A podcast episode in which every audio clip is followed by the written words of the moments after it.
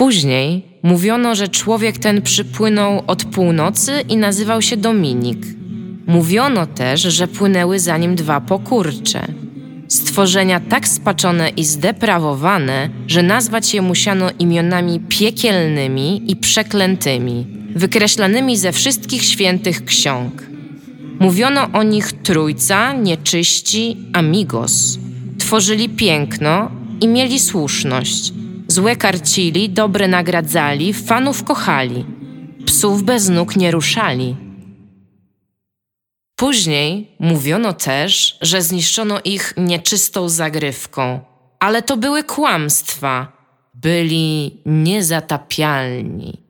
Witamy w podcaście Niezdapialni, to jest 383 odcinek, który dzisiaj będzie prowadzić dla was Iga, e, ponieważ nie wiem dlaczego ja go otwieram. Właśnie czemu ty go otwierasz? Nie mam pojęcia. Też nie, ja byłam Iga, przygotowana, że ja go otworzę. Ale to dlaczego go nie otworzyłeś? Dzień dobry, witamy w 383 odcinku podcastu Niezatapialni. Ja nazywam się Iga Ewa Smoleńska, będę dzisiaj dla was DJ-em. Są tutaj ze mną również. Tomek Strągowski. I Dominik Gąska. Tak, dzisiaj ja będę prowadzić, ponieważ miałam wymyślić 8 chaotycznych pytań, które wcale nie wyszły chaotyczne. I od razu dam tutaj kontekst, e, bo to, Tomasz też był e, tutaj zdziwiony przed podcastem, co takie mało chaotyczne są te pytania.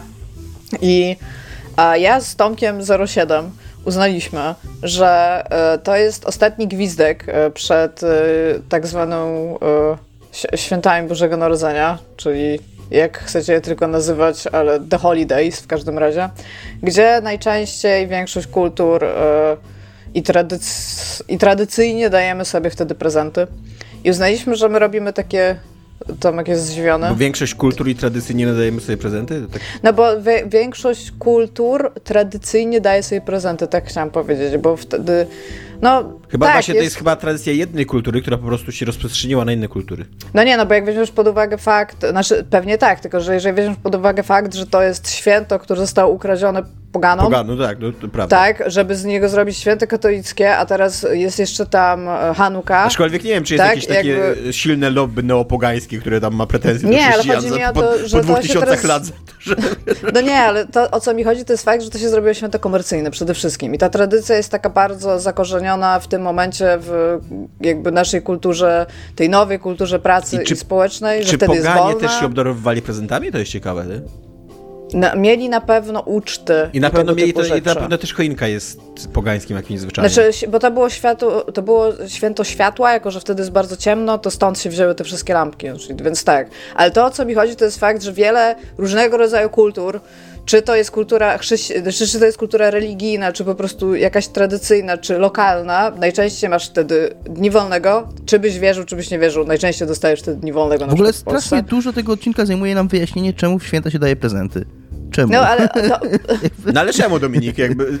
Czy ty Właśnie, jakieś odpowiedziałeś no na tak, pytanie? no po prostu. I czy, po prostu, o, jesteś, o czy będzie... po prostu jesteś ofiarą propagandy takiej Będziemy świątecznej? mieli odcinek o prezentach, bo święta, jakby to jest każde wyjaśnienie, jakie nam potrzeba. Live with it. Dobrze, to sorry, chcieliśmy tutaj wejść w jakieś, e, ogarnąć trochę, tak, coś być może do czegoś dojść, ale dobra, no. Dla Dominika to jest ważne, są święta, są prezenty i teraz jest argument, bo tak. Ale ja bym chciał, ja bym chciał zrobić, jest... ja bym chciał na początku od razu zrobić to, co wy robicie mi zawsze, czyli że rozwalić ten odcinek, kochana Igo. Ale proszę, proszę ponieważ, bardzo. Ponieważ mam dla, dla was, y, Igi, Igi pytania miały być chaotyczne, nie są w ogóle chaotyczne, są tematyczne, więc ja mam dla was na początku takie pytanie, które mnie interesuje, ponieważ śledzę, co się dzieje z Kalisto Protocol, gra, na którą byłem napalony. E, I zastanawiam się, jak często zdarza wam się, że stricte na podstawie recenzji decydujecie, że gra, którą chcieliście ograć, jednak nie jest dla was. Bo dokładnie tak, samo, tak mam z Kalisto Protocol, że, bardzo często. że to, co piszą o gameplayu, tak stwierdzam, e, to mnie nie będzie bawić, nie? Tam, bardzo, bardzo, bardzo, bardzo często. Czy to odpowiada na twoje tak, pytanie? No, to odpowiada Dominika. Tak, ja też. Ja też raczej I... w, ogóle przy, przy, w ogóle przywiązuję wagę do recenzji. I bardzo często mi się to zdarza e, w przypadku gier i też bardzo często mi się to zdarza, zdarza chyba jeszcze częściej, bo jednak w przypadku gier e, to, to jest też wiele czynników. Jakby my mamy bardzo dużo informacji, my się tym bardzo interesujemy, więc wiemy bardzo dużo wcześniej. Bardzo, bardzo rzadko się zdarza, może tak powiem, bardzo rzadko się zdarza, żeby dopiero w momencie pojawienia się recenzji okazało się, że ta gra jest, jest bardziej lub mniej dla, dla ciebie. Jakby często sygnały są wcześniej. Akurat Kalisto Protocol jest takim dosyć wyjątkowym przypadkiem. Ale nie, miał, miał, była jedna czerwona flaga, jak e, już jakiś czas temu było wiadomo, że embargo recenzenckie spada w dzień tak, premiery i to już wiesz, że PC nie będzie tak. działało, to jest, to jest zawsze, zawsze PC nie będzie działało. Potem coś się dzieje z wersjami konsolowymi, w sensie to nie jest dokładnie to, co, co czego ludzie się spodziewali. No? Ale na maksa często mi się to zdarza z filmami. A co jest śmieszne, bo przy filmach jest dużo niższy próg wejścia, bo one w tej chwili na, na ogół są w streamingu i też inwestycja czasowa jest dużo, dużo mniejsza. Ale regularnie mi się zdarza, że jakiś film mnie zainteresuje, wpisuję na tytuł Rotten Tomatoes, ma ocenę 54% i wtedy mówię nie, nie włączam. To jest ciekawe, bo znaczy... mi się to akurat dosyć rzadko zdarza. Ja raczej jestem w takim, mm, takim znaczy czytam recenzje i mnie one interesują i tak dalej, ale raczej jestem tak przekonany, że lepiej wiem, co mi się spodoba, jakby co nie tam. Jak czytam w tej recenzji, że nie, że to nie jest gra dla mnie, ja tak, nie, to jednak, jednak muszę sam to zobaczyć, nie sam sprawdzić. Ja w ogóle również zachęcam naszych słuchaczy, jeżeli tego nie robicie, zanim kupicie grę, przeczytajcie przynajmniej kilka recenzji. Ale, ale na przykład y, ja, y, ja o tym parę razy mówiłem, i, i, ale powiem o tym raz jeszcze, bo tak, bo po to również mój podcast i nie muszę się z niczego tłumaczyć nikomu. Bo tak. E, że Jakby jest to prawda.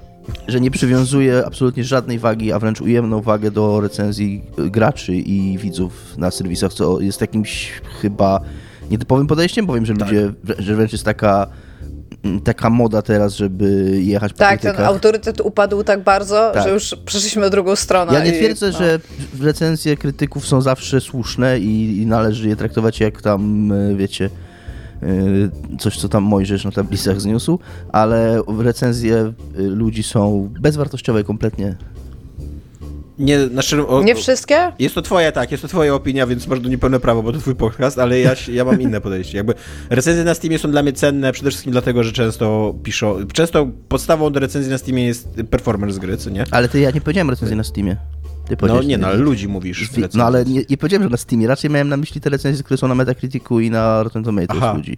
Recenzje na Steamie faktycznie są dosyć ciekawym przypadkiem, ale ja mało gier kupuję na Steamie. Praktycznie nie kupuję na Steamie, więc to jest taki, taki dla mnie... Nie, no to to, to się zgadzam, tak. Na Rotten Tomatoes i tam Metacritic to też mam w dupie to, co tam. Bo one są, bo one, właśnie po mój główny argument za tym jest to, że je się daje bardzo łatwo zmanipulować i bardzo często są jakimś wyrazem po prostu trendów. Dobra, ale istnieje też taki... filmie. Akurat na Steamie masz rację, na Steamie jest spoko to, że musisz tak, mieć tą grę, żeby... Bardzo często na Metacriticu, jeżeli chodzi o gry AAA, te recenzje e, graczy, nawet jeżeli ich nie czytasz, to jeżeli jest bardzo duża dysproporcja pomiędzy tym, jak została oceniona gra przez krytyków, a jest mega nisko, na przykład jest dosyć dobrze oceniana przez krytyków, a mega nisko przez, e, przez graczy, to to też bardzo często coś znaczy. Na ogół znaczy to, że, to, że tam jakaś wojna światopoglądowa się toczy, a nie ma to nic wspólnego tak. z Tak, ale, ale też bardzo, bardzo często jest tak, nie, nie zawsze i nie w ogóle w gro przypadków, jest te, też często tak, że na przykład krytyk zagrał y, przypadek Cyberpunka 10 na 10, arcydzieło, tak, I jakby i tam na przykład gracze dosyć słusznie wylistowywali problemy tej gry. Tak, to akurat że przypadek, przypadek Cyberpunka jest taki, że tutaj... Ja tak... mówię tylko o grach AAA. Bardzo jest... często po prostu jest ten bias AAA, że daje ci coś wcześniej i jakby dajesz temu lepszą ocenę, potem ludzie w to pograją i są jak... Like, Przypadek Cyberpunka jest bardzo wyjątkowy, wydaje mi się, tutaj. A jest, jest więcej tego typu, ale o to mi chodzi, jakby, że mówię, to, to jest najczęściej przy grach AAA i tych blockbusterowych grach AAA, na które jest duży hype. Ja z kolei nie? na przykład mam takie wrażenie znów, że, że to rzadko ma coś wspólnego z jakością gry, a bardziej tak jak na przykład z The Last of Us 2 że, że wiecie, że tam baba i coś tam, nie wiem, że zabili Joela i teraz 3 na 10, to tam coś takiego. 10 na 10 za to. Nie, ale właśnie, bo Skalista Outstanding move. Skalista Protocol to jest dla mnie taki ciekawy przykład, że e, jakby ja chciałem zagrać tą grę, byłem napalony i tam myślałem, że fajnie, że będzie znowu jakiś tam space horror i tak dalej, tylko centralnie tak nawet nie, nie zwracając uwagi na wady i na fakt, że ta gra tam nie działa podobno na PC i, i że ma słaby scenariusz i tak dalej, ale że tak jak jest rzeczowo opisywany gameplay, o co chodzi w tej mm. grze, że to jest tak naprawdę taka bijatyka w uniki i ataki i że mało tam jest de facto jakiegoś horroru i tylko liniowe tam chodzenie po, po, po, po sznurku, a mało zwiedzanie lokacji i tak dalej, to właśnie tak stwierdziłem, że jakby fajnie, ta gra fajnie wygląda na trailerach, filmikach i tak dalej, ale gameplayowo mnie znudzi, że nie tego się spodziewam po tej grze, co nie? Ma to sens. No moja kopia przychodzi, dostałam ją w prezencie, przychodzi w poniedziałek. Jestem jestem szalenie zainteresowana tym, jak złe to może być, ale też mam nadzieję, że jednak ja lubię bić i unikać, szczególnie w takim klimacie horrorowym, gdzie są flaki i gore, a to pokazywali bardzo dużo. Więc zobaczymy. Bardzo chętnie podzielę się z wami w przyszłym tygodniu moją opinią na temat Kalisto Protocol. Dobra, Aczkolwiek tak. kierownicę Iga teraz. Aczkolwiek chciałam powiedzieć, że chciałam, żeby to była dobra gra. Wydaje się taką grą nie być. Bez zagrania w nią jestem w stanie tak jakby spojrzeć na to, co się dookoła nie dzieje i jest mi smutno. A tak, w każdym razie święta, prezenty, bo tak. I postanowiłam y, stworzyć taki odcinek, gdzie będziemy mówić o różnego rodzaju rzeczach związanego z prezentami i świętami i tym, jakie spędzamy, albo nas czekaliśmy, albo na co nie czekaliśmy. Dobra, ja nie myślę, wtedy... że tak łatwo ci pójdzie prowadzenie tego odcinka. Wiecie, co mnie... Ja nigdy nie myślałam o tym, że pójdzie mi łatwo. Wiecie, co mnie straszliwie wkurza na Metacriticu? Ale tak straszliwie, także że zrobiłem, że chciałem zobaczyć, jakie oceny ma Kalisto Protocol, jaką ma średnią. Yy, że kurde, Kalisto Protocol na PC, a Kalisto Protocol na Play PlayStation 5 to apparently są dwie zupełnie inne gry. No tak, no na PC nie ocenić. działa. Ale to tak, to akurat jest prawda. Na PC nie działa, Dominik. No na PC ma gra. 80% oceny, a na PlayStation 5 76%, więc najwyraźniej na PC działa lepiej. To nie, nie wiem, co się tam stało. Ale też bym nie chciała w nią grać na PlayStation, więc zobaczymy. Jeszcze jeszcze ktoś coś na temat Kalisto Protocol, Rotten Tomatoes, Metacritica, sposobu pisania recenzji, komentarzy graczy, recenzji na Steamie. Wydaje mi się, że nie, ale rezerwuję sobie prawo do Dobra, dobra. E, uczciwe. Dobrze, więc chciałam się was zapytać, takie moje jest pierwsze pytanie. A Mamy, tak jak mówiłam, y, ostatni gwizdek, żeby zamawiać rzeczy. Bardzo często się teraz, niektóre z nich, jakby można pójść kupić, ale... Centralnie odcinek będzie opublikowany w przeddzień Mikołajek. No to tym bardziej. To wtedy już musicie iść i to kupić, jeżeli chcecie do buta komuś coś włożyć. W każdym razie chciałabym się was zapytać, co byście w 2022 polecili kupić pod choinkę słuchaczom? Jako książkę, grę, jakiś gadżet. I tutaj być może nie musimy się super ograniczać e, budżetowo, ale też możemy. Nie wiem, jak wolicie. E, ja mogę zacząć? Bo ja, tak, proszę. Bo ja, ja, się tak wyrywam do zaczęcia, bo ja już miałem e, monolog na temat tego, co jest idealnym prezentem w 2022.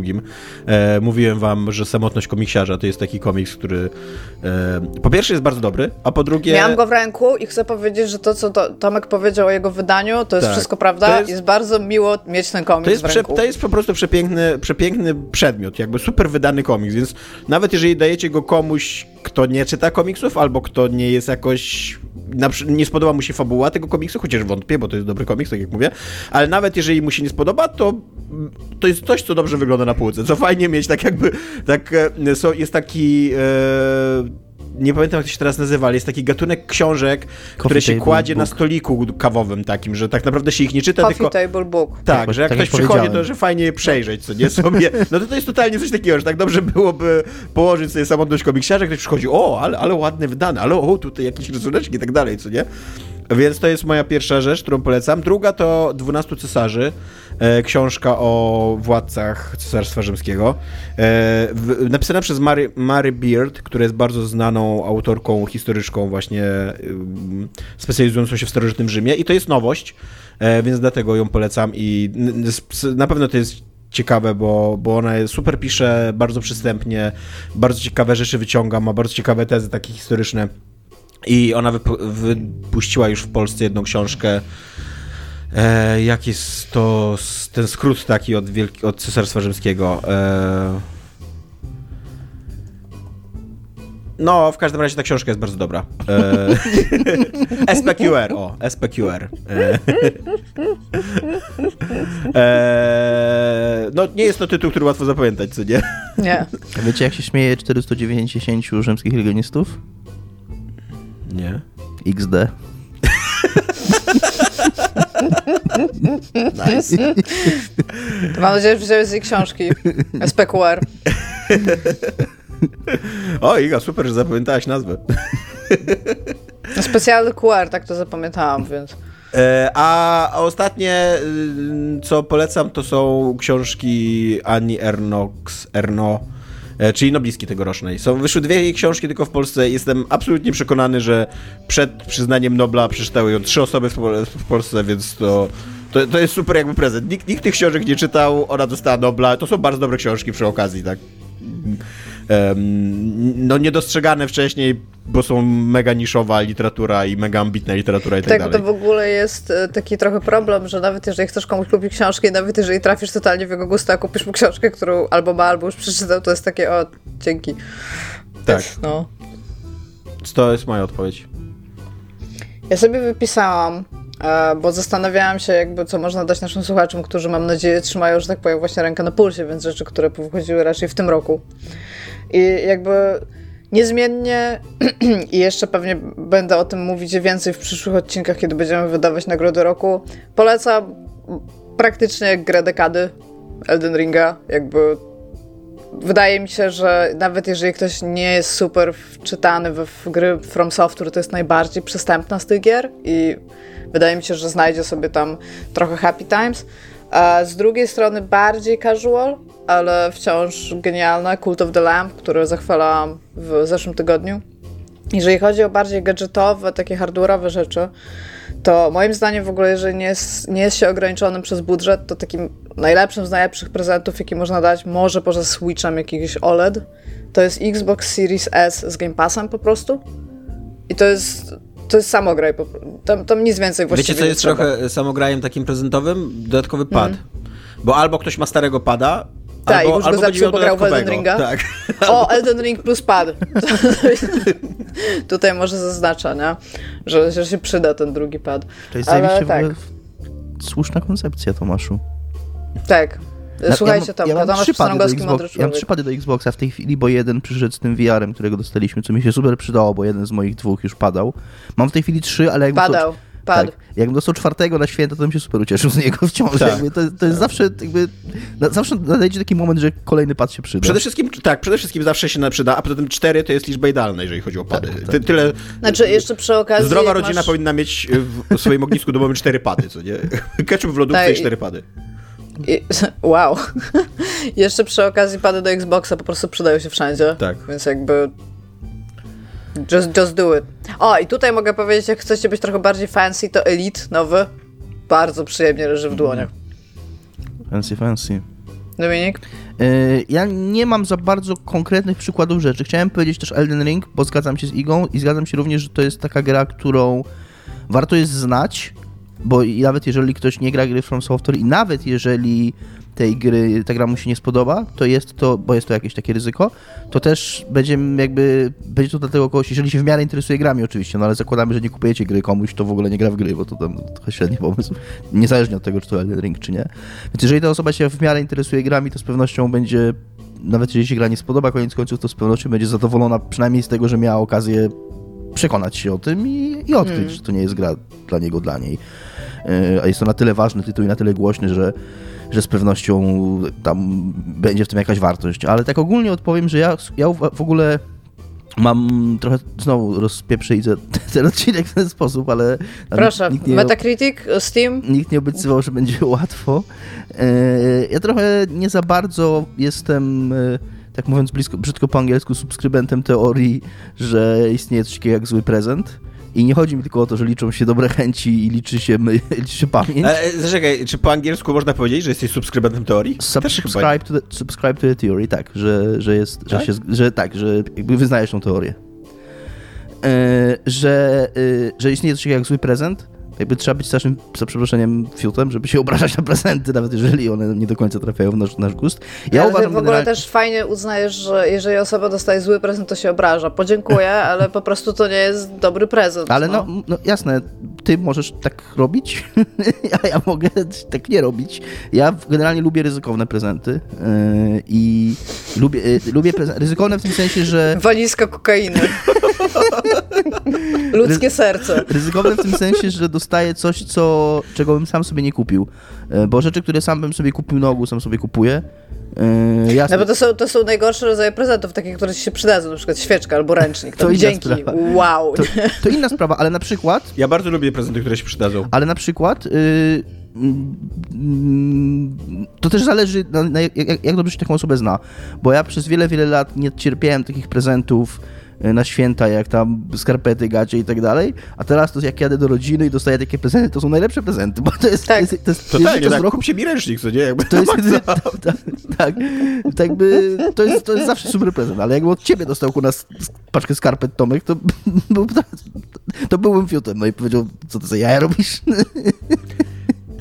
Ja, nie wiem, ja Tomkowi nie, nie kupuję mówię, że, nie mówię, że mam dla ciebie Ewelina. paczkę skarpet, ale powiem, że nie dostaniesz ode mnie paczki skarpet. W każdym razie zmierzam do nic tego, nie dostaniesz. zmierzam do tego, że fajnie jest dostać coś, co przynajmniej jest fajnie, no ale jakby każdy z nas będzie mówić raczej z własnych doświadczeń. Dostać coś, na co sam bym nie wpadł, żeby, żeby sobie kupić. Czyli gra, coś, co wykracza, mówiąc brzydko, poza moją strefę komfortu. Czy to Persona 5 Royal na przykład. yy, gra z gatunku, który, który normalnie nie gram, czy, czy, czy jakaś książka, czy film. Ja- jak- Na jest gatunek DVD gier, w normalnie nie grasz ty? Tak. No nie wiem, kurde, jakbym dostał Suchy piernik z TikTokami. jakąś, nie wiem, strategię ekonomiczną albo symulator lotniczy i nawet jakbym to pograł godzinę i się znudził, to miałem takie, okej, zobaczyłem coś, co, czego bym inaczej nie zobaczył i to jest fajne. A tam przy, przygodówkę nową, czy, czy RPG, to sobie tam kupię pewnie day one, więc tam dzięki nie potrzebuję waszego, waszej dobroczynności. Pamiętasz, Tomek, Tomek, pamiętasz taki... Ja, ja, to było dawno, więc możesz nie pamiętać. Pamiętasz, jak Dominik kupował sobie Monkey Island Day One? Tak. No, Myślę, że byłoby mu bardzo przykro, gdyby, gdyby dostał tak, w gdyby wtedy prezencie Day dostał, One. no. Mnie zajebiście do, cieszył, jakbym dostał Monkey Island wtedy w prezencie. no. See my point, Dominik? Nie. Widzisz mój punkt, Nie jak widzę się mówi twojego- po polsku? Nie widzę twojego punktu. Dobrze. To w takim razie Dominik już tak troszeczkę e, jakby powiedział na ten temat, więc możemy do tego przejść. Bo Dominik zwrócił uwagę na to, że być może głupio jest kupować e, grę komuś, kto nie gra. I tutaj jako przykład Elden Ring, no tak, ale powiedzmy, że znasz kogoś, lubisz kogoś i tak bardzo chciałbyś się z nim podzielić tą swoją pasją, że chciałbyś go wprowadzić w ten świat giereczkowania i bycia toksycznym w internecie. A więc co, co, co najłatwiej dać komuś, żeby ta osoba się wciągnęła i żeby chciała dalej jakby zgłębiać temat growy? I powiedzmy, że tutaj budżet nie ma znaczenia. Switcha z Zeldą albo z Animal Crossing. W Switch w ogóle jako, A ty tak, jako akcesorium. Bo ty jeszcze, jako, jak napisałeś to pytanie, to tak napisałeś się z takim kontekstem, czy to VR, casual, czy konsole. I ja bym tylko chciał zaznaczyć, że uważam, że moim zdaniem VR to jest akurat najgorszy prezent dla takiej osoby. Jakby VR ma bardzo wysoki próg wejścia dla osób, które w ogóle nie grając, nie? Że Ale- musisz mieć hełm, musisz ogarniać jeszcze sterowanie w No to dłoniach i tak dajesz dalej. im ten hełm i dajesz No im tak, wszystko. ale to, ale to jest bardzo skomplikowane. I jeżeli osoba dana nie grała, to moim zdaniem to jest y, trochę przerażające i takie Plus konfundujące. Dla, To wymaga dla. PC-ta odpowiedniego, Tak. więc trzeba by tej osobie najlepiej od razu PC-ta kupić. Nie, no I- możesz sobie kupić Oculus Questa. Ale ja, o ile zga- tak, no to jest w sumie, o ile się zgadzam z Tomkiem, że kupowanie komuś VR, kto nie gra, to jest dosyć karkołomny pomysł, ale na przykład z drugiej strony pokazanie VR komuś, kto nie gra, y, m, może być naprawdę y, efektywne. Akurat miałem okazję niedawno rozmawiać z osobą, która się kompletnie nie interesuje grami, y, albo się mało interesuje grami i, i miała okazję tam u kogoś zobaczyć VR-a i tam była w ogóle cała zaerana, jakie to jest super i, i tak dalej. Że, to jest taki rodzaj doświadczenia, które może nie jest łatwo w nie wejść, tak żeby komuś dać i powiedzieć tam radź sobie, ale tak żeby komuś pokazać. Znaczy, to... bo właśnie ja miałam ostatnio y, okazję bawić się Oculus Questem, nowym. I to, w jaki sposób to jest samo w sobie zawarte i to, że tam nie ma kabli, to, że to jest lekkie i to, że tam nie ma żadnego problemu, żeby to założyć na głowę, czyli tam już nie trzeba praktycznie nic robić, tam są tylko kilka takich paseczków, które trzeba ten... I dodajesz komuś to i dajesz mu jakąkolwiek grę i fakt, że ty sterujesz rękami, a nie padem, że nie zapośredniczasz tego ruchu w jakikolwiek sposób, moim zdaniem właśnie jest takie bardzo, bardzo szybko kumasz. Moim zdaniem nie. Fakt że, fakt, że nosisz coś na głowie, fakt, że musisz to obsługiwać właśnie, e, wiesz, joystickami w rękach. Do tego jeszcze bardzo łatwo nie mieć miejsca na VR. Nawet w, fakt. nawet w dużym pokoju łatwo nie mieć miejsca na VR, co nie?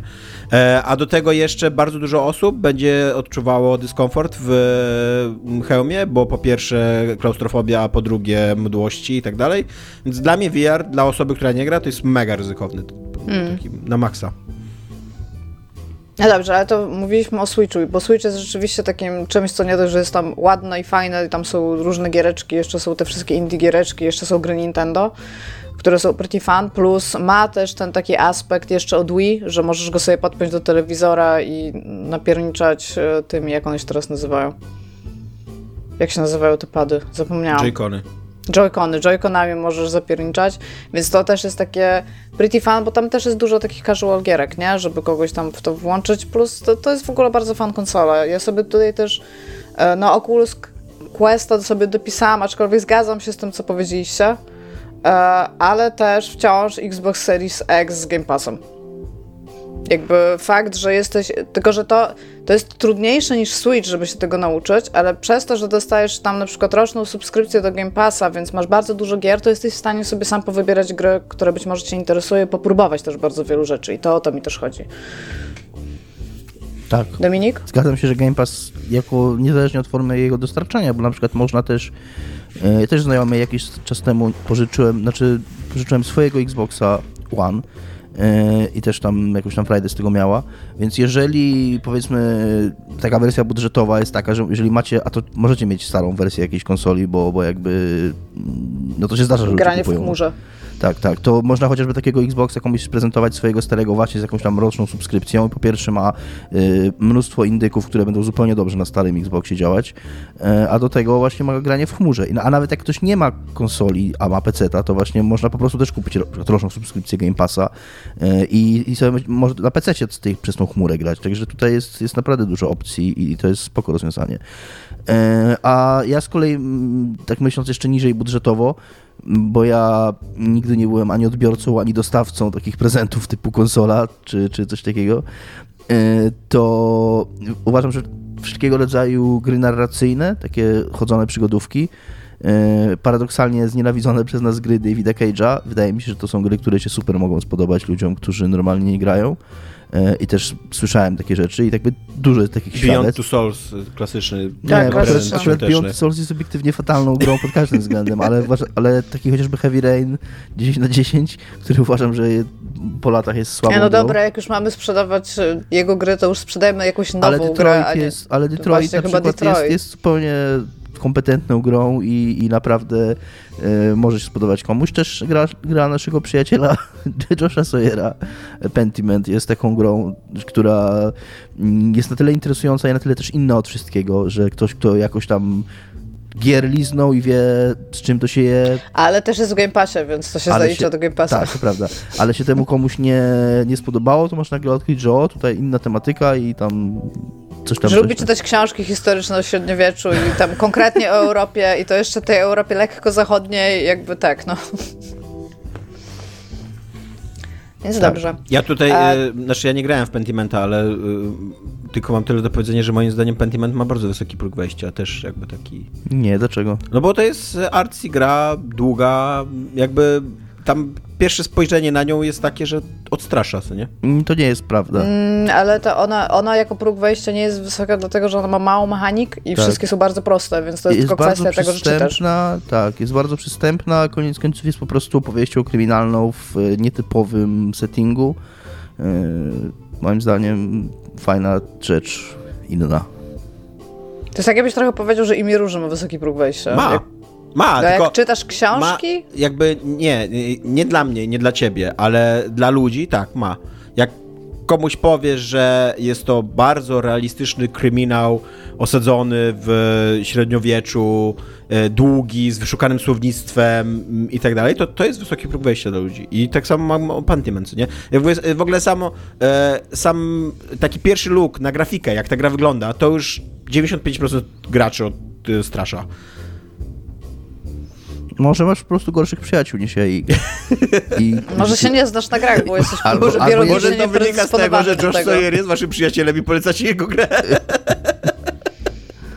Ja nie poleciłem, Dominik poleciał. Dobra, A, ja Tomek, nie, jest, a on nie jest, jest moim przyjacielem, tylko jest Iggy przyjacielem. jak więc- jesteś taki mądry, Tomek, to może powiesz, co tam, co, co jest grane u ciebie. Eee, okej. Super. Świetne, świetne przejście, tak. Wczoraj, mi, znaczy wczoraj, tydzień temu mnie opieszałaś za to, że ja nie potrafiłem zrobić przejścia, a ty tutaj, ty, tak. No jak ja mam zrobić z imienia Róży? Tomek, czytałeś ostatnie imię Róży? Nie, ale ja mówię serio, nie ironicznie mówię, że to było świetne przejście. A, okej. Jesus. Wpuścić babę do podcastu, co nie? Wy chcieliście sami. Chcieliśmy? Kiedy? E, mam trzy rzeczy do polecenia. Jedną z HBO Go, a drugą z Netflixa. E, jedną polecam, a drugiej nie polecam. E, najpierw zacznę od tego, co nie polecam. To jest All Saints of Newark, e, czyli po polsku Wszyscy Święci New Jersey. Po, po, po polski widzę najprawdopodobniej jakby Co, nie, nie jest dla niego różnica, czy to jest Newark czy New Jersey. A jest to trochę bezsensowne uproszczenie, bo bardzo ważne w tym tytule jest to, że to jest Newark, dlatego że zamieszki w 67 roku odbyły się w Newark, a nie w New Jersey, więc y, jest to prequel Rodziny Soprano, e, film dwugodzinny. y, Teoretycznie kinowy, on był wyświetlany nawet w kinach. W praktyce jest on strasznie uzależniony od Rodziny Soprano i nie warto go oglądać bez znajomości serialu, bo się go nie zrozumie e, i też to nie jest dobry film. Jedyna jego jakby korzyść z obejrzenia go to jest tyle, że się tam dowiesz trochę o przyszłości bohaterów. A przy okazji trzeba go oglądać po skończeniu serialu, bo centralnie w pierwszych scenach już bardzo dużo spoileruje z, serialu, z późnych odcinków, jakby późnych sezonów, co nie? Więc, e, więc to jest takie totalnie taki twór dla hardkorowych fanów rodziny Soprano. E, tylko, że tak, tak sam w sobie to to nie jest, to to nie jest dobry film, bo przede wszystkim to jest jakby taki origin story Tony'ego Soprano, gdzie moim zdaniem gigantyczną zaletą takiej postaci jak Tony Soprano jest to, że to jest wielowymiarowa postać, a nie jakiś tam, kurde, Kapitan Ameryka. I to nie jest tak, że on potrzebuje origin story, że tam jed- jedno, jedno kluczowe wydarzenie w jego życiu, które go pchnęło na, na taką ścieżkę życiową, na, jak, na jakiej on jest i tak dalej, a, a trochę ten film taki jest, że, że on opowiada o relacji pomiędzy ojcem Chrisa, e, czyli Dickiem Moltis, Moltisante, a właśnie młodym Tonym Soprano. E, I w te mamy tam jako drugoplanowe postaci mamy Juniora, mamy Johnego Soprano, czyli ojca Tony'ego Soprano, Silvio się pojawia i tak dalej, ale jakby główna, e, główna oś taka dramaturgiczna to jest e, po pierwsze relacja właśnie Tony'ego Soprano z mm, Dickiem, a po drugie relacja Dicka z Howard, Haroldem, przepraszam, takim czarnoskórym gangsterem, która to relacja jest trochę wciśnięta na siłę, bo rasizm y, sopranów i w ogóle rasizm tej e, włosko-amerykańskiej społeczności jest bardzo ważnym wątkiem w rodzinie Soprano i tutaj chyba też chcieli takie origin story tego rasizmu po prostu.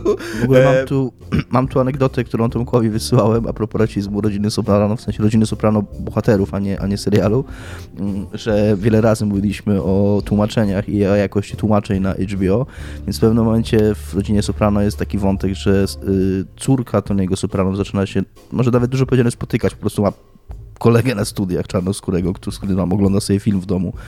I, i to nawet nie czarnoskórego, takiego mieszanego e, mulata. I e, jej ojciec tam się strasznie wkurza na to i zaczyna tam, wywala, wywala go praktycznie tam z domu i mówi, że ma się nie pokazywać tu nigdy więcej i tak dalej.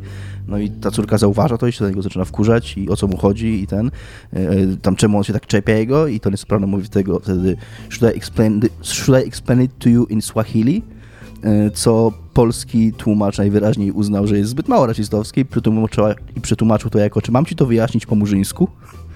Więc Tak, albo też tutaj jest podobne, że jakby polski widz y, musi mieć New Jersey zamiast Newark, bo może nie wiedzieć, co to jest Newark, więc Tak. może nie wiedzieć, co to jest Suahili, więc po prostu to Tak. będzie... e, e, więc tak, no i jakby moim zdaniem, mo, moim zdaniem to jest w ogóle właśnie serial robi świetną robotę w tłumaczeniu i pokazywaniu, że oni są rasistami. I właśnie to nie, to, to nie jest rasistowski serial, to jest serial o bohaterach, którzy, którzy mają bardzo dużo uprzedzeń, nie, w ogóle nie tylko rasowych.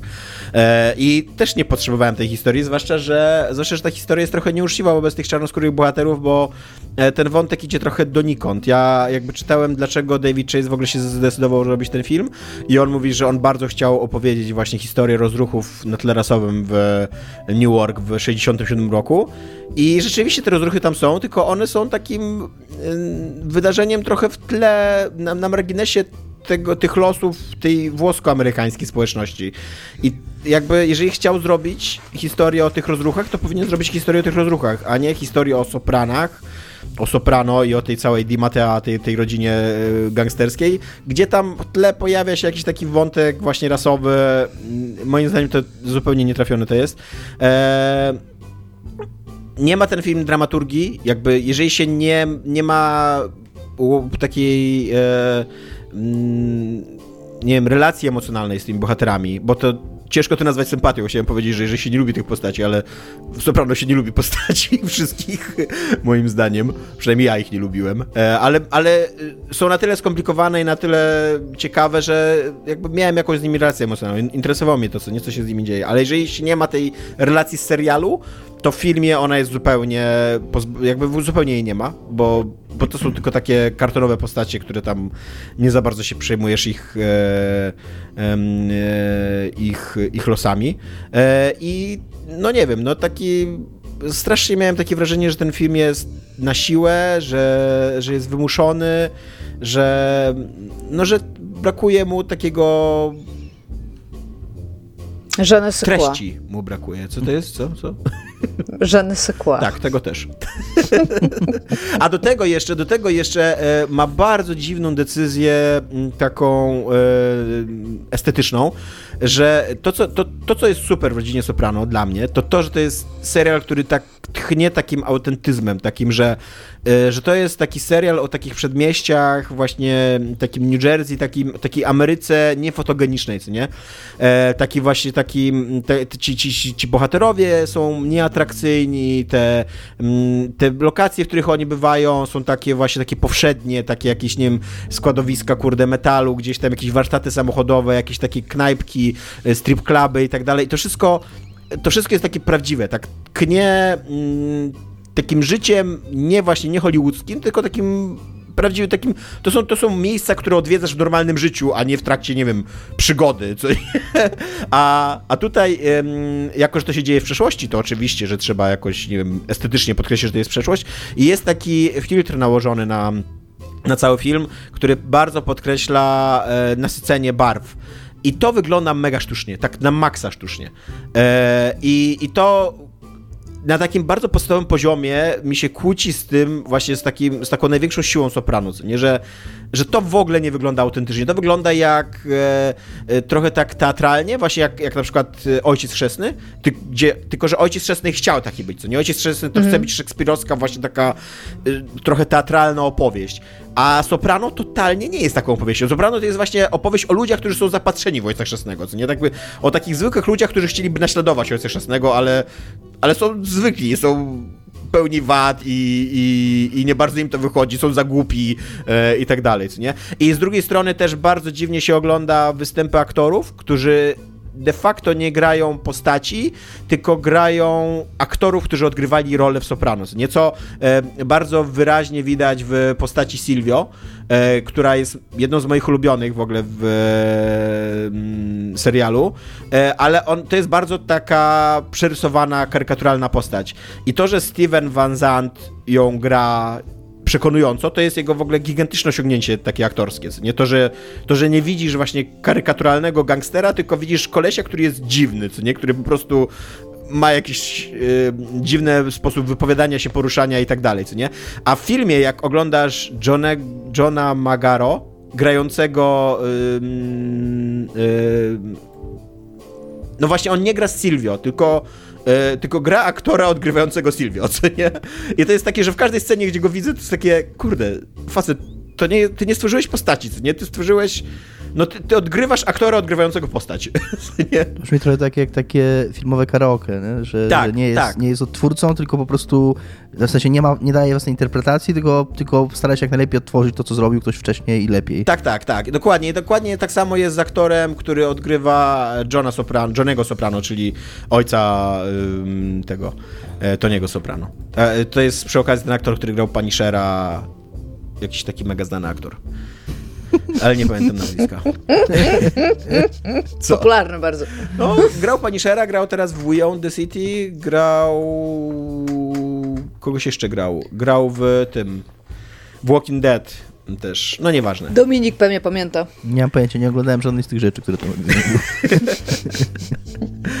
A drugą rzecz, którą z kolei bardzo chciałbym... A, i jeszcze jest fatalny występ Raya Lioty, ale Ray Liotta w ogóle chciał wystąpić chyba w, so, w Soprano i tam się odzywał do Davida Chase'a, żeby go zaangażował w Soprano. David Chase jakoś go nie zaangażował w Soprano i wydaje mi się, że po tym filmie wiadomo, dlaczego go nie zaangażował w Soprano, ponieważ Ray Liotta chyba nie jest zbyt dobrym aktorem tak w ogóle. On ma kilka bardzo dobrych ról na swoim koncie, ale ma również kilka bardzo złych ról i, i w, tym, w tym filmie to jest jedna z tych bardzo złych ról, nie? E, ale rzecz, którą chciałbym polecić bardzo, to jest Derry Girls. To jest taki trzy, trzy sezonowy serial, e, bardzo krótki, bo tam dwa sezony mają po sześć odcinków, a trzeci sezon ma siedem odcinków. Skończony, właśnie, właśnie wyszedł ten ostatni sezon i, i on się kończy tak, że już nie będzie więcej. E, I to jest serial o czterech nastolatkach, czterech dziewczętach dorastających w Derry albo Londondery, zależy czy jesteś irlandzkim republikaninem, czy jesteś e, e, kolonialnym opresorem brytyjskim. E, czyli, że, czyli, że w Irlandii Północnej w trakcie... no tak, no bo irlandzka nazwa to jest Derry, a przyszli Brytyjczycy i nazwali to miasto Londondery. Sobie tam, tu jesteśmy, co nie? E, i, no i to się rozgrywa w latach 90. w trakcie, w takim końcowym etapie tych kłopotów, czyli że tych... Um, e, tej wojny domowej, zamieszek, no jakichś takich poruszeń e, niepodległościowych Irlandii Północnej. E, to jest już na tym etapie, kiedy Ira prawie nie przeprowadza zamachów, i raczej już się rozbraja i raczej już trwa porozumienie pokojowe, no ale tam napięcia etniczne, religijne e, i, i, polityczne nadal, nadal istnieją, nie? E, I to jest tak, o czterech nastoletnich dziewczętach, granych przez niestety 30-letnie aktorki, bardzo widać. O, to jest mój ulubiony trend lat 90. Jakby musimy go przywrócić z powrotem, to jest ważne. To jest, to jest współczesny serial, ale rozgrywa się na tych 90., więc może chcieli być e, jakby tak autentyczni, co nie epokowo. Ale to strasznie widać, że one są, na maksa widać, że to są 30-letnie kobiety. E, i, I to mnie, bardzo mnie to boli niestety, bo ani razu przez... Hello, fellow kids. Tak, dokładnie. Ani razu przez te trzy sezony ja nie, nie mogłem uwierzyć. pamiętasz w ogóle, jak te stare, stare seriale amerykańskie, tam lata 90. to była jakby końcówka już tego, ale wciąż tam, nie wiem, pamiętasz na przykład film z Travolta, przecież był Grease. Tak. I ty oglądasz i to mają być nastolatki. I to może dwójka z nich to by przeszło jako starsze nastolatki, ale ta reszta tak. to są w ogóle 400-letni typi, nie? No niestety. No dobra, i co, i co? I tam grają, grają i co? Widać to, rozumiem, non-stop. Widać to niestety non-stop. Pomimo tego, że bardzo lubię ten serial i bardzo lubię te postaci, to nigdy nie przyzwyczaiłem się do tego, jak one wyglądają, bo no, nastolatki nie wyglądają jak dorosłe kobiety. Nastolatki są w bardzo dziwnym takim etapie dojrzewania, kształtowania Mają się urody. długie ręce, kręgosłup tak. jakiś taki krzywy, no. no tak, no. dokładnie. A tutaj po prostu widzisz dorosłe kobiety, e, które, e, które udają, że są nastolatkami, co nie? Ale tak... Ale czekaj, ale widziałeś na przykład Modern Family jest taki serial. Na pewno widziałeś przynajmniej tak. jakiś kawałek, nie? No. I tam jest ta, mm, ta rodzina, która ma dwie, dwie córki i syna. Mhm. No i ta najstarsza córka, która jest nastolatką, ona wygląda centralnie jak nastolatka, przecież to jest dorosła kobieta. Więc da się znaleźć da się, tak. aktorkę. Da, no. się, da się to zrobić, wierzę w to, że da się to zrobić. Ale tu się nie udało. Tu się nie udało totalnie. Okej. Okay. Tak. Eee, i, na początku mi się ten serial tak sobie podobał, bo to jest serial, którego poczucie humoru opiera się trochę na tym, że bohaterowie są głupi. Eee, I ja nie przepadam za takim poczuciem humoru. Eee, plus on ma taki mocno świat według kiepskich vibe, tylko w stylu Irlandii Północnej. Po prostu jest taki, takie spojrzenie na rodzinę jednej z tych bohaterek i oni tam wszyscy są właśnie tacy przaśni, te, te, te, to, ten dom jest taki bardzo w epoce, taki właśnie też jakby nie dzisiejszy. To, to jest jego taki, nie wiem, e, takie pociągające niby, że to jest właśnie taki obraz nie dzisiejszej epoki, że wszyscy, wszyscy mm -hmm. mieliśmy to w domu, co nie, tam w stylu, nie wiem, błazeria i tak dalej, co nie?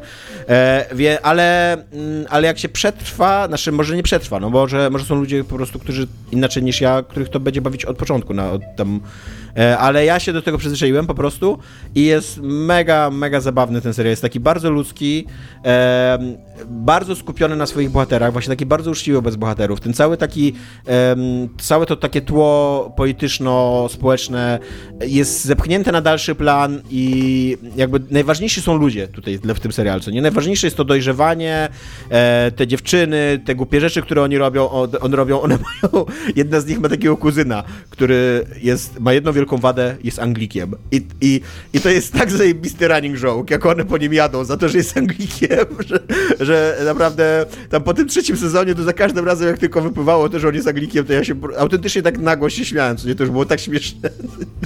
E, I, a przy okazji e, jest taki bardzo ciepły, taki właśnie pokazujący, że tam jakby koniec końców wszyscy jesteśmy ludźmi i nie musimy się bić z powodu jakiegoś tam wyznania, religii, że najważniejsze, żebyśmy byli dla siebie dobrzy i żebyśmy byli wyrozumiali. Jest Szok. ładnie poprowadzony wątek LGBT, bo to też oczywiście lata 90. w e, katolickiej Irlandii, więc tam jedna z tych dziewczyn, jak się orientuje, że jest lesbijką, to w ogóle przeżywa straszny dramat życiowy, e, a właśnie, a wszystko to jest bardzo ładnie, bardzo tak empatycznie poprowadzone. E, I, e, I też e, ma super domknięcie, dlatego że ono jakby nie dość, że emocjonalnie się domyka ten serial, to jeszcze właśnie tak politycznie się domyka, bo to, on się kończy w momencie podpisania porozumienia wielkopiątkowego i tam referendum, czy Irlandczycy przyjmą to porozumienie. I to jest już takie, takie nie wiem, taki autentyczny, taki masz, nie dość, że masz taki wybuch ich przyjaźni, to jeszcze masz taki wybuch takiego dobra historycznego, które się tam wydarzyło, co nie, że, że ludzie się przestają zabijać. I wszędzie indziej to by brzmiało mega naiwnie, ale jako, że to się wydarzyło naprawdę, no to tak sobie okej, okay, jakby kupuję to, co nie? E, więc tak, więc Derringer... To jest na Netflixie. Tak, jest na Netflixie, wszystkie trzy sezony są na Netflixie, bardzo polecam, mega, naprawdę mega A po ile jeden odcinek? Bo powiedziałeś, że... 24 minuty. E, A, czyli taki... tak naprawdę krótki, krótki tak. metraż, tak Tylko powiem, ostatni odcinek całego serialu ma tam 45 minut, bo... No bo tam próbują powiedzieć trochę o historii tego konfliktu, wytłumaczyć na czym polegało to porozumienie. Jest, jest trochę takiej publicystyki w tym ostatnim odcinku, nie? Żeby zależy im, żeby wytłumaczyć ludziom o co chodziło w tym konflikcie i dlaczego to, że on się skończył było takie ważne, co nie? Hmm. No, więc y, to są dwie rzeczy ode mnie. Dobrze. A to chciałam się was zapytać, bo rozmawialiśmy już tutaj na temat tego, że można sobie też na przykład dawać gry a niekoniecznie pewnie w pudełkach, bo też pudełka nie są już super popularne w większości świata, ale jak dostaliście kiedyś grę, dostaliście na pewno jakoś na przykład na Steamie albo coś i to była gra nietrafiona, bo na przykład, nie wiem, graliście już gdzieś indziej, nie wiem, mieliście ją na Gogu, na Xboxie, tam gdziekolwiek, to czy zdarzało wam się ją refundować? Albo na przykład już taki bardziej manualny sposób dostaliście na przykład książkę albo coś i poszliście wymienić ją na inną? Ja się czuję osobiście zaatakowany tym pytaniem od ciebie. Dlaczego? Bo nie, no zdarzyło no mi się bo... refundować, e, znaczy nie refundować, tylko zwrócić, bo to nie jest tak. Jak zwracasz prezent, to. Tak, to musi zwrócić ta osoba, która kupiła. Ci, tak. tak. I właśnie ja, ja mam tutaj taką odpowiedź, że mi się osobiście nie zdarzyło, ale kilka razy to nie jest tak, że, tam, że ten twój przypadek to był jakiś bardzo odosobniony. Kupowałam bo... komuś coś i ktoś mnie poprosił, ty słuchaj, to nie, ja niekoniecznie, bo na przykład, nie wiem, grałem tam w demo albo cokolwiek takiego i nie, nie podeszło mi to.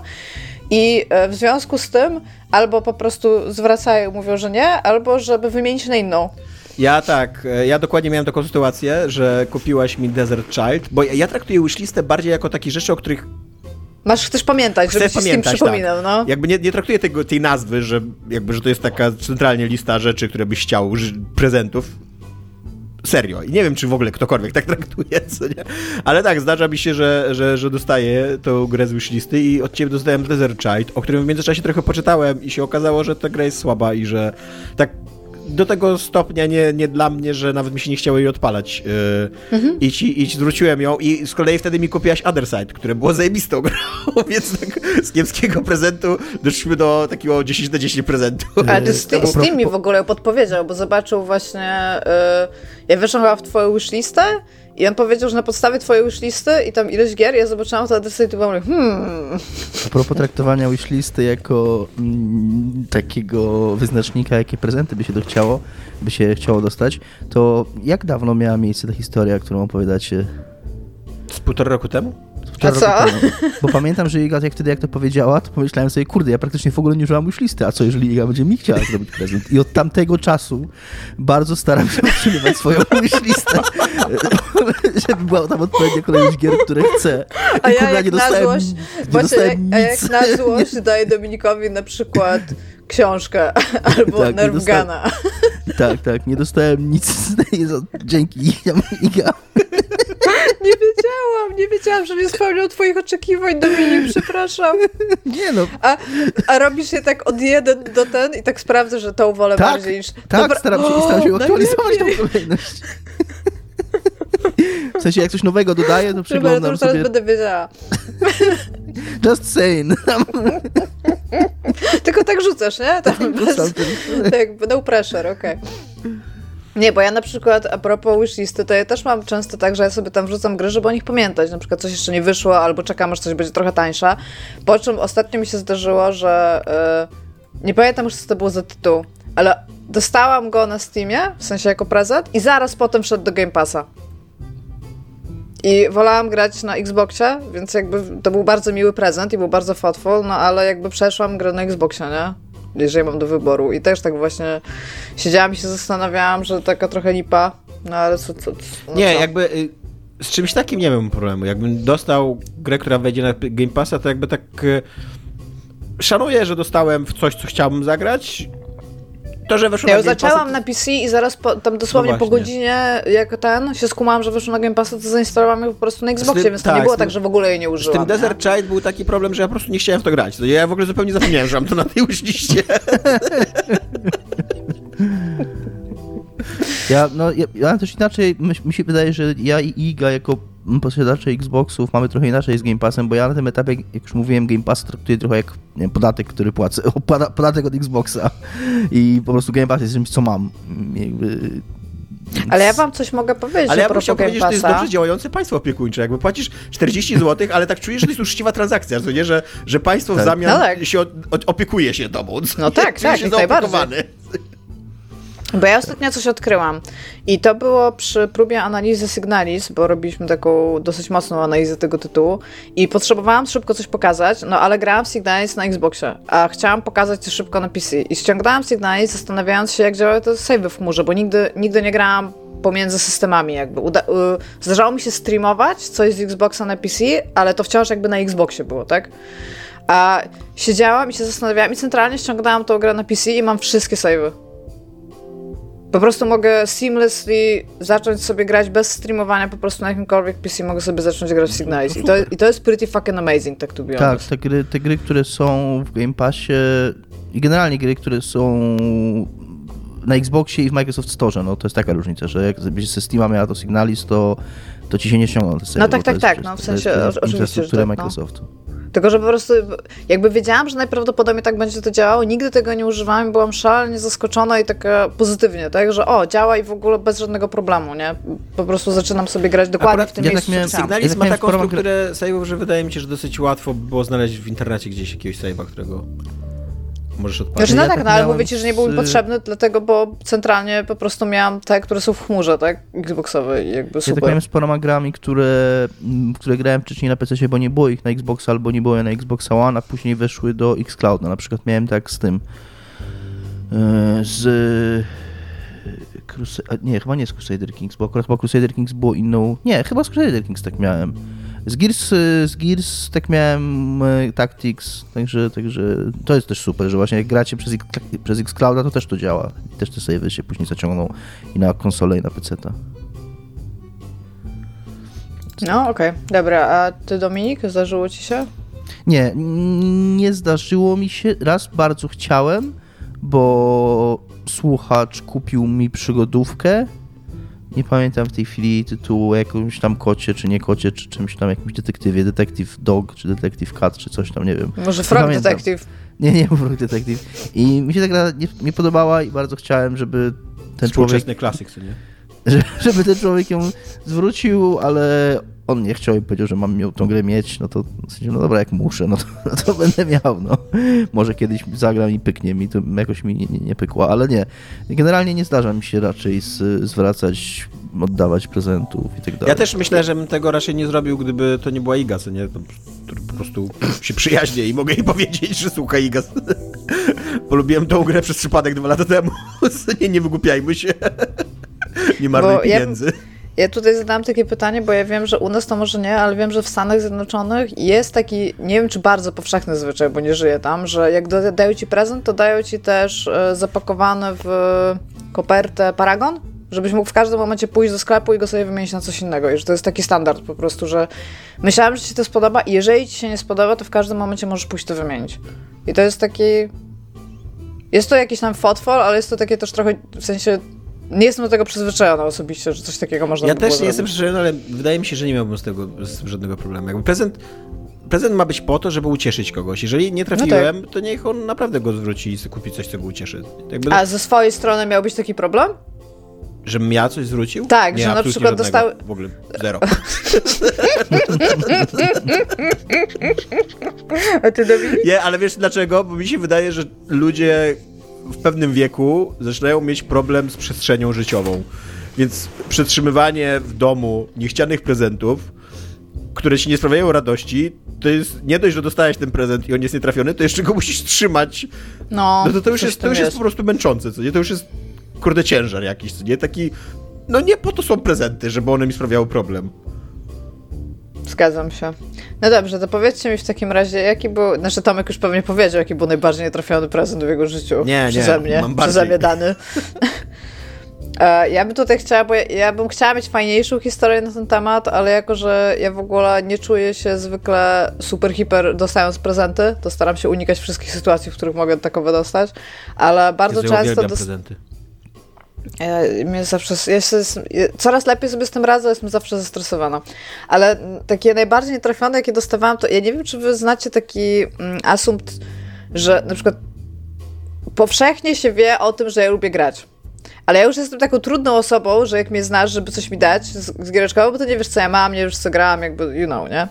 I bardzo często dochodzi do czegoś takiego, że na przykład ktoś chciał być bardzo miłe, tam na przykład ktoś z rodziny, powiedzmy, i kupił mi jakiegoś takiego pada do PC, bo wiedział, że ja lubię grać. Ale to jest tam taki pad taki gorszy niż Steam Controller i jakby fajnie, cieszę się, że ktoś jakby wyszedł, pomyślał o tym i coś mi takiego dał, ale jakby nigdy w życiu go nie użyję nawet, bo trudno się to trzyma w rękach i cokolwiek takiego robi. Ja mam mnóstwo takich rzeczy ja niestety wszystkie zbieram. Możemy kiedyś zrobić YouTube'a o bardzo złych kontrolerach. Więc tak, e, Tomku, mówiłeś, że ten mój nie był Ja najgorszy. E, No, tak, jaki- e, przede wszystkim to trochę tutaj wyszłaś przed szereg, bo już swoje ostatnie pytanie też e, em, zaspoilerowałaś, czyli najgorsze w ogóle prezenty. No to ja się zgadzam totalnie, że dla mnie najgorszymi prezentami są książki i komiksy, ponieważ ja kupuję opór książek i komiksów i szansa, że dostanę coś albo czego nie chcę przeczytać i dlatego tego nie kupiłem, albo coś, co kupiłem, skoro chcę to przeczytać, jest bardzo duża. Jakby to jest mega ryzykowne, żeby mi kupować książki i komiksy i zawsze jak widzę opakowanie w kształcie książki, to mam mega stres, że o mój Boże, nie będę Może to zadowolony. alkohol, może to rower. I, Ale na i przykład właśnie- kartę podarunkową do księgarni raczej już tak. Tak, tak. Żebyś sobie sam mógł wybrać. Tak, ja. totalnie, tak. E, I dokładnie moim najgorszym prezentem, jaki dostałem w życiu, jest książka, ale to ma jeszcze, jeszcze, jeszcze dodatkową warstwę, bo ja mam taką em, ciocię, która jest bardzo konserwatywna e, i, tak, i głosuje na PiS i jest bardzo jakby kościelna i tak dalej. I on i jakby, możecie sobie wyobrazić, że wiele świąt przedyskutowałem w przyjaznej atmosferze przy stole glinym o polityce z moją ciocią e, i ciocia sobie zdaje sprawę, jakie ja mam poglądy. E, tylko, że jak to dla wielu konserwatystów, wszyscy, którzy są jakby na lewo od nich, to jest taka jedna masa. Tak, zresztą to w ogóle chyba jest tak. Podejrzewam, że lewicowcy też tak mają, że. Ja, ja na pewno tak mam, że wszyscy, którzy są na prawo ode mnie, to jest taka jedna masa prawicowców, co nie? No i ciocia jakby myśląc, że ja jestem lewakiem, to myślała, że jestem takim lewakiem z jej słownika i kupiła mi książkę o szkle kontaktowym. Nie wiem, czy kojarzycie, na TVN24. W sensie o programie. Na TVN24 jest taki No. y, prześmiewczy program komentujący codzienność i to jest taka, dla mnie, on jest dosyć żenujący i to jest taki pik takiego lipkowania, takiego, e, takiego podśmiechujek takich z ludzi, którzy są no nie pomyśli jakby takiego liberalnego establishmentu, nie? Więc wydaje mi się, że Janna równi hejtuje szkło kontaktowe, co moja ciocia konserwatystka, nie? Ale ona myślała, że jakby właśnie, że ja jestem tutaj na lewo, więc to jest, to jest mo- to są moi ludzie, a do tego książka jeszcze i mi dała tą książkę o tym szkle kontaktowym. E, No i to był fatalnie nietrafiony. Nawet Ale po- okej, może, może nie trafiła, ale przynajmniej chciała. tak, tak, bardzo doceniam. ci naprzeciw, Totalnie, tak. tak. Totalnie bardzo doceniam, że właśnie i też podejrzewam, że wyszła jakoś ze swojej strefy komfortu, kupując taką książkę w ogóle, co nie wiesz, jakby, biorąc jakiegoś TVN-a, kurde, tam do ręki, co nie w, w księgarni. Nie, ale to nie dla mnie, to nie dla mnie. Ale no był to fatalnie nietrafiony prezent. Masz tę tą książkę? Nie, chyba hmm. jak tylko mogłem, jak w trakcie jakiejś przeprowadzki, to po prostu ją zostawiłem i, i tyle. Nie? Dominik? Nie, właśnie niestety przykro mi, ale chyba nie mam takiej historii, mm, żeby, żeby tutaj było śmiesznie i fajnie raczej. I to nie dlatego, że wszystkie prezenty w moim życiu były wspaniałe i trafione i tak dalej, ale raczej nie było to nigdy nic takiego spektakularnego. Raczej miałem na tyle szczęścia, że jeżeli ktoś mnie nie znał, to kupował mi właśnie coś takiego użytkowego i tak dalej. I tam y, jasne, jak byłem dzieckiem i tam mówię, dostawałem od babci pomarańcze, a od małej skarpety to tam było najgorzej, a, a teraz to. Tam... Teraz taką pomarańczkę byś sobie zjadł, co w ciepłych skarpetkach. Kilo pomarańczy to teraz 20 zł kosztuje, kurde. Pomarańcze są zaskakująco drogie. Ja lubię sobie czasami wypić sok taki świeżo wyciskany no. i kurna, taka szklanka soku to kurna kosztuje z 10 zł, żeby sobie, żeby sobie zrobić, nie? Z pomarańczy. Także nawet pomarańcze w dzisiejszych czasach to, to byłby zajebisty prezent, szczerze mówiąc wracamy do tego, jeszcze ocet niedługo będziemy sobie kupować. A ja bym chciała powiedzieć, że kiedyś na studiach zorganizowałam dla siebie i tam znajomych jakieś wigilie i tam mieliśmy taki, taki konkurs był z nagrodą i właśnie konkurs miał w temacie prezent i ziomek nam opowiedział, że jak był mały, to był, no ten mały chłopiec był, nie wiem, z 3-4 lata miał, to dostał pod choinkę kolejkę, taką elektryczną kolejkę. Ale stwierdzili rodzice, że jest trochę za mały, żeby jeszcze się tym bawić, więc ją schowają, aż trochę dorośnie. No i za rok dostał tą samą kolejkę. Bo myślałem, że nie będzie pamiętał, ale pamiętał i wygrał ten konkurs w ogóle, tam dostał od nas nagrodę i za rok, jak organizowałam tą samą Wigilię, to dostał pod kolejkę od nas. Więc tak. E Dobra, to teraz takie pytanie właśnie throwback do dzieciństwa. Mi powiedzcie, pamiętacie jakieś takie święta, że czekaliście na coś tak super mocno, jakąś giereczkę, książkę albo coś i, i było kurde najlepiej? Bo ja na przykład rok w roku czekałam na Game Boya, co wiem, że się nigdy nie stało w moim życiu. Ale pamiętam, że dostałam pierwszy PC, który jakby bardzo załagodził mi moje złamane serce po sprzedaży Amigi właśnie jako prezent i byłam super na to, nie mogłam się doczekać, bo wiedziałam, że go dostanę i byłam taka już super oczekująca. I to był dla mnie... To nie były święta Bożego Narodzenia, co prawda, było troszeczkę wcześniej, ale kurde, pamiętam, że siedziałam jak na szpilkach i nie mogłam spać, nie? W nocy. Dominik może?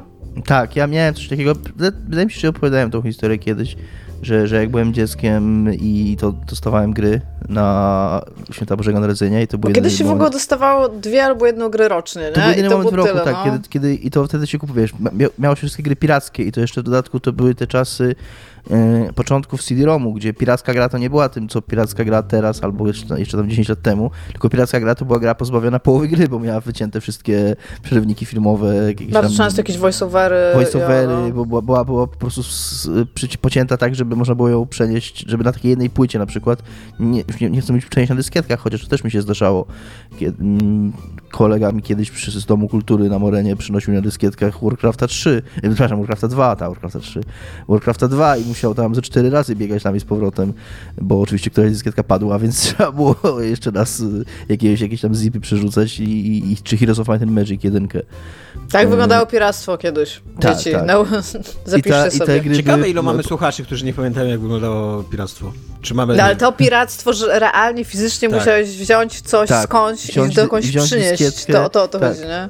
No tak, tak. tak. Albo jak jak próbowałem, ja też o tym mówiłem, ale to jest tak zajebista historia, znaczy moim zdaniem, jak y, Windows się pojawił yy, 95 i ja wtedy jeszcze miałem niby 3.11, ale Windowsa 3.11 to się tam nie korzystało za bardzo, więc się głównie w, w, z DOSa te gry mm. odpalało.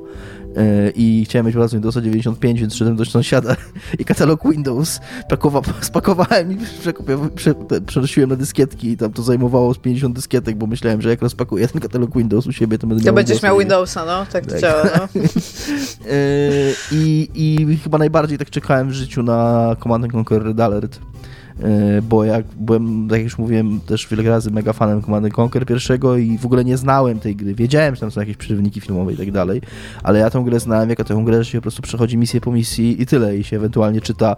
Tam był taki tekstowy briefing, który można było sobie w trakcie misji kliknąć i zobaczyć, o co chodzi w tej misji. Więc to, to była cała otoczka fabularna, jaką znałem tych gier i właśnie wiedziałem, że dostanę tego Red Alerta yy, w pudełku takim dużym, bo to jeszcze wtedy gry były w takich dużych pudełkach wydawane, w Polsce przynajmniej. E, nie wiem, jak było na zachodzie. Kartonowych. Kartonowych takich, tak. No. I, I super czekałem na, to, na tą grę i jak w tą oczywiście to było zawsze tak, że jak dostawałem taką grę, to później cały dzień, następny, pierwszy dzień świąt siedziałem i grałem w tą grę i, i ten Red Alert to był taki właśnie, że wiedziałem, że lubię te gry, że, że, że super mi się podobał ten Command Conquer, a teraz mogłem doświadczyć, o co naprawdę w tym chodzi, tam są te filmy i tak dalej super to było. Tomasz? Dla mnie taką grą totalnie była FIFA 96. E, Twoja ulubiona FIFA? E, nie wiem, czy moja ulubiona FIFA, nie wiem. Ale to była, wiesz, e, w tych czasach e, to przejście do 3D, co nie? To było gigantyczne wydarzenie, co nie? Tak, że, że, że przechodzimy z epoki, kurde, pikselowych ludzików e, Sensible Soccer e, albo nawet tych takich 2D sprite'ów z FIFA International Soccer, czyli tej wcześniejszej FIFA, na, na wydawało się wtedy, że to FIFA jest prawdziwe 3D. International Soccer to była pierwsza FIFA. Znaczy, ty, bo ty mówisz o tej, o tej FIFA takiej izometrycznej, tak? Tak. To była, tak, to była pierwsza FIFA, tak. Nie, to nie była pierwsza FIFA. A, tak, no to FIFA 96 to była pierwsza 3D niby FIFA, a tak. Ale ona a też FIFA... miała sprite'y. Tak, miała właśnie, bo dlatego mówię, że to mi się wydawało, znaczy nam się wydawało wtedy, że to jest prawdziwe 3D, że to jest jakby pik technologii 3D, a tak naprawdę to było takie udawane 3D, co nie? Bo Znaczy, ona no, też miała, boisko- tak.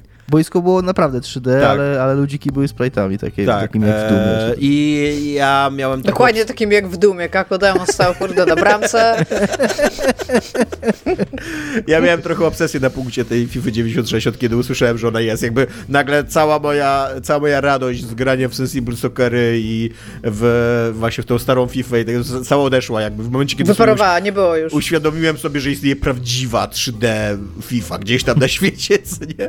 A problem był też taki, że ja miałem wtedy zasoby komputer, żeby tą FIFA 96 odpalić, więc to był w ogóle taki e, marzenie moje o FIFA 96 wiązało się z tym, żebym miałbym taki sprzęt, który u, u, uradzi FIFA 96, co nie? E, I no i tak, i to miałem trochę obsesję na punkcie tej gry i bardzo chciałem ją dostać. Nie dostałem jej w ogóle na, na żadne święta, koniec końców, jakby w prezencie. I Tak zagrałem jakby w nią... Game Boy. Słucham? Tak, Tak no, jak zagrałem, tak, zagrałem w nią w ogóle dużo później niż powinienem. Ona już nie robiła na mnie takiego wrażenia, jak, jak w nią zagrałem. Yy, I w epokę 3D wprowadziła mnie Actua Soccer, która dla mnie do dzisiaj jest totalnie taki, e, taki, taką pierwszą 3D w ogóle FIFA, e, znaczy nie, no nie FIFA, no futbolem, e, grą, grą sportową, w jaką grałem i która była zajebista. Poza tym, że miała bardzo malutkie brameczki, takie karykaturalnie mal- malutkie i strasznie, e, strasznie to było śmieszne. E, ale tak, no FIFA 96 to była moja obsesja.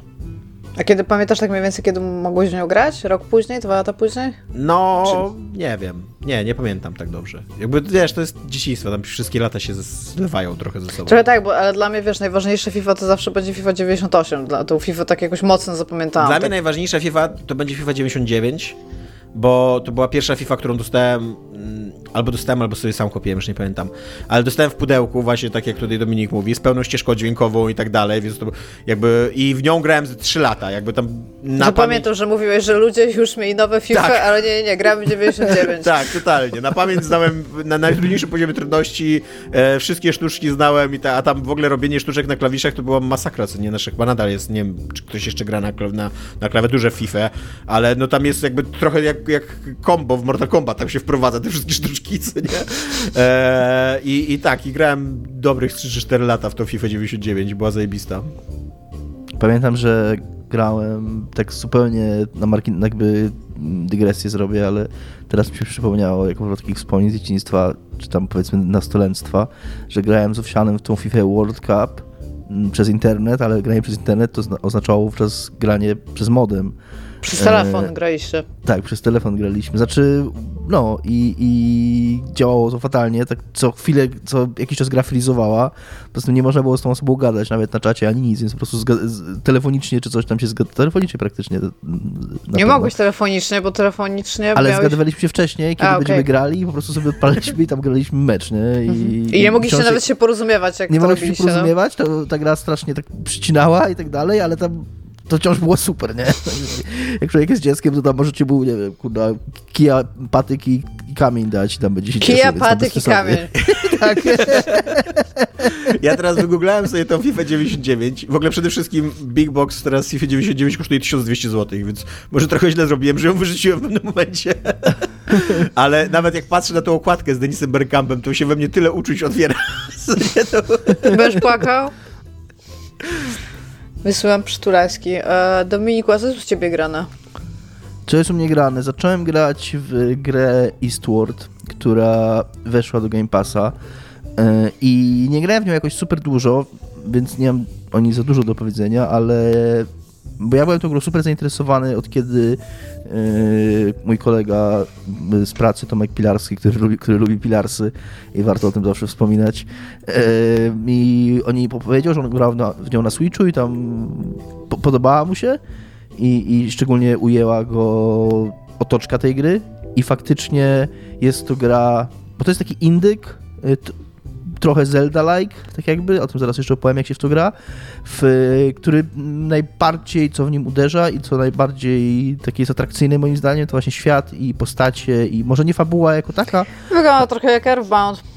Ale jest, jest trochę tak y, w takim stylu, ale jest dużo, dużo ładniejsza niż, niż na przykład, y, ja Earthbounda nie grałem, ale niż te gry inspirowane nim, czyli na przykład to słabe Undertale. Y, I I się, ta gra się toczy w takim w takim nie, nie, nie jest jasne do końca, co się stało z światem, no ale nastąpiła jakaś tam apokalipsa, coś jest, y, coś się stało, że, że ludzie żyją, a przynajmniej ci ludzie, których poznajemy na początku, żyją pod ziemią mają takie tam miasteczko zbudowane e, i, i, i, jakieś tam jego, jakieś tam okolice tego miasteczka i to wszystko jest w jakiś sposób, jakby gra się tym nie zajmuje, to jest takie fantazy trochę, bo tam mają w ogóle, uprawiają jakieś rośliny i tak dalej pod tą ziemią i tam jak to działa nie do końca jest ważne.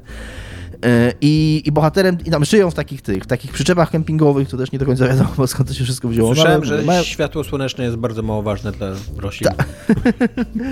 tak, mają jakąś tam społeczność swoją niewielką i, i, i tak dalej. I główny bohater jest jakimś tam górnikiem, który yy, tak to można nazwać górnikiem, no tam wchodzi w jakieś tunele i wykupuje stamtąd, z tym, że nie zasoby, tylko jakieś, nie wiem, części z, z starych sprzętów, czy, czy jakieś... Scavengerem.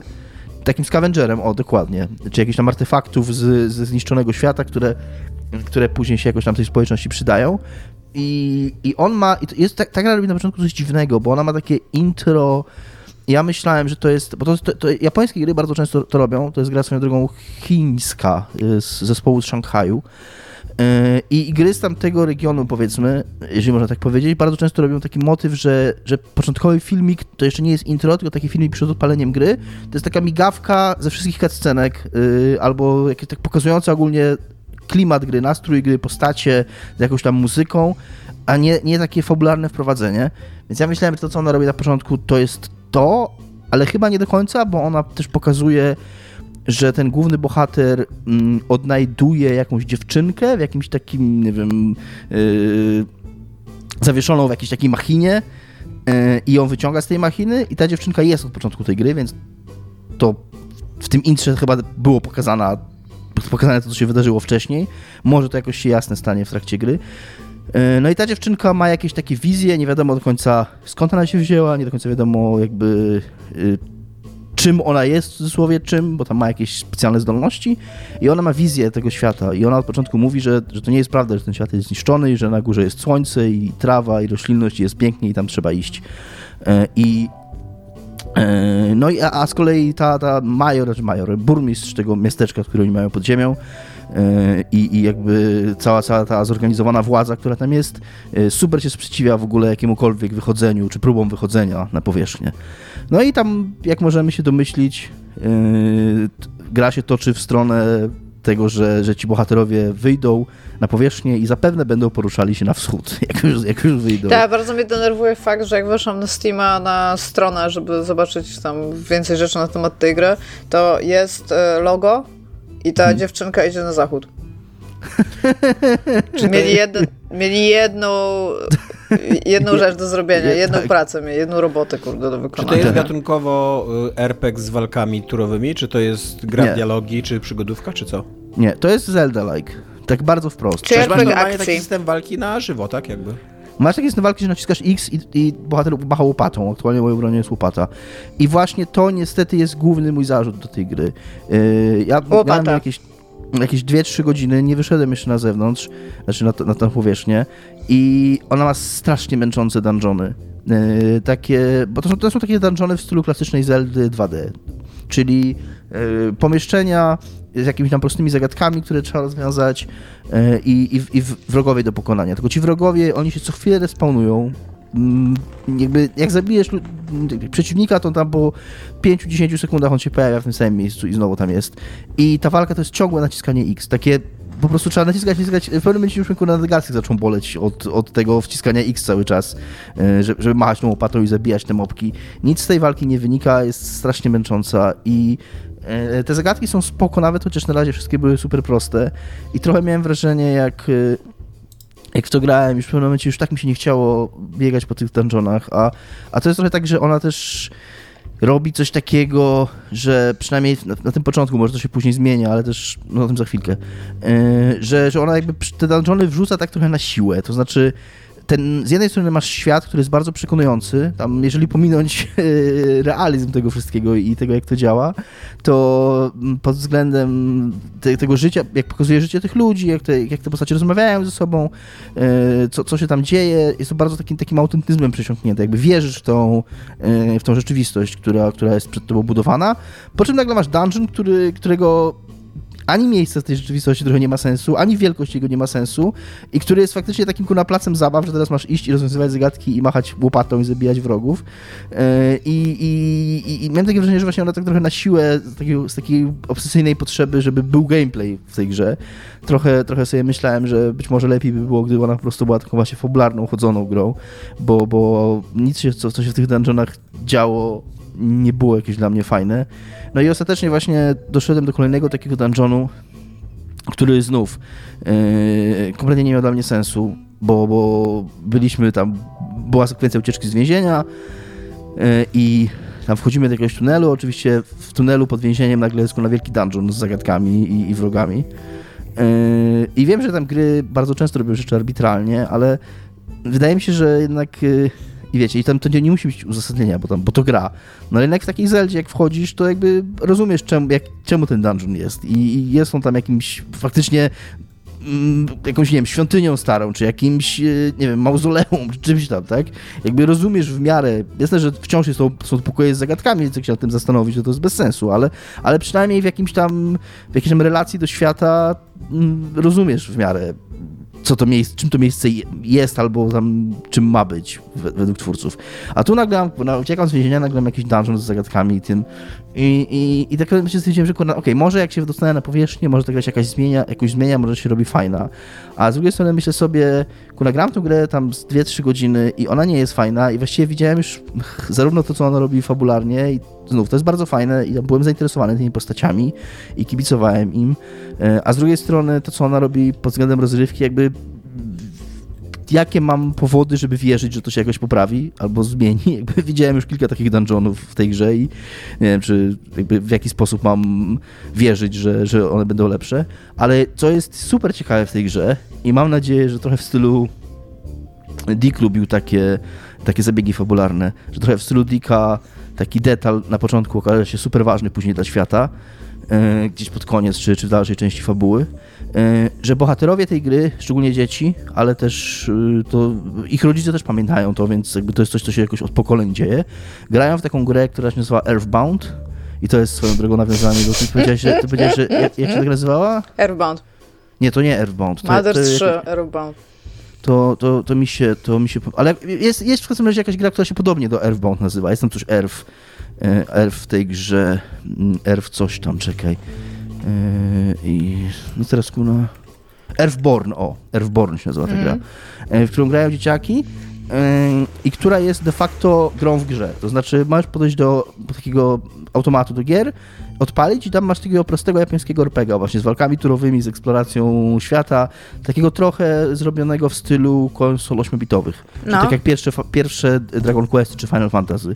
Czyli taka bardzo prosta grafika, a jak, masz, a, jak, a jak masz walki, to masz tak po prostu widzisz trzech wrogów na ekranie i wybierasz komendy dla, dla swojej drużyny z tego.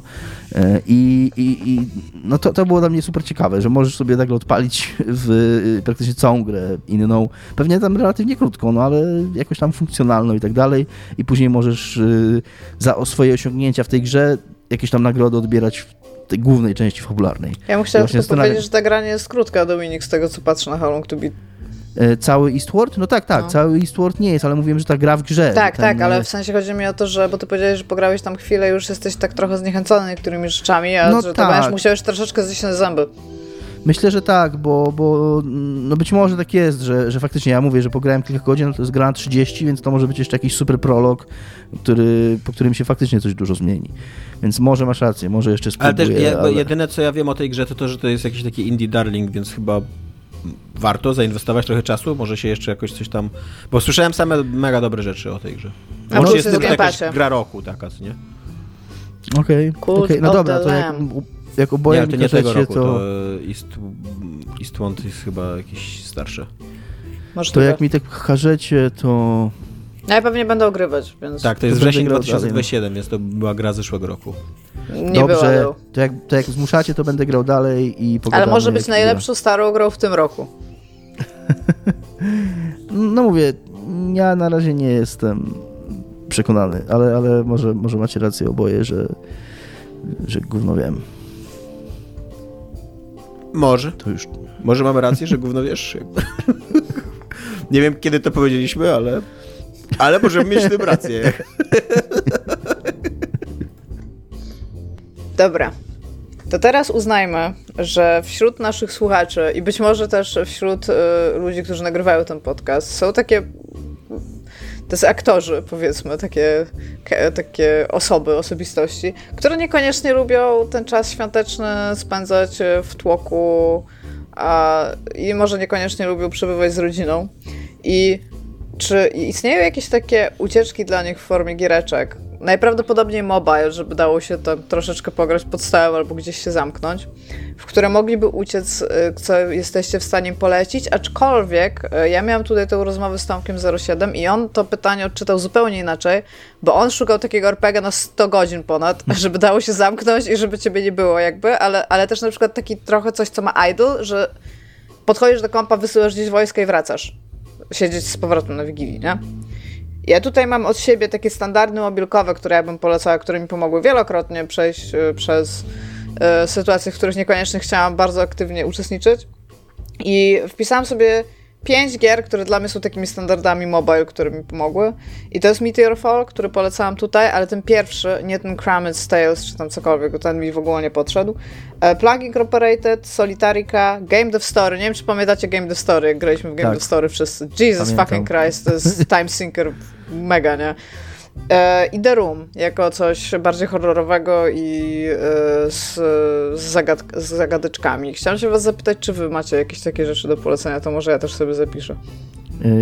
Ja trochę się zgadzam z tym, co pierwsza powiedziałeś, Meteor, Meteor Fall.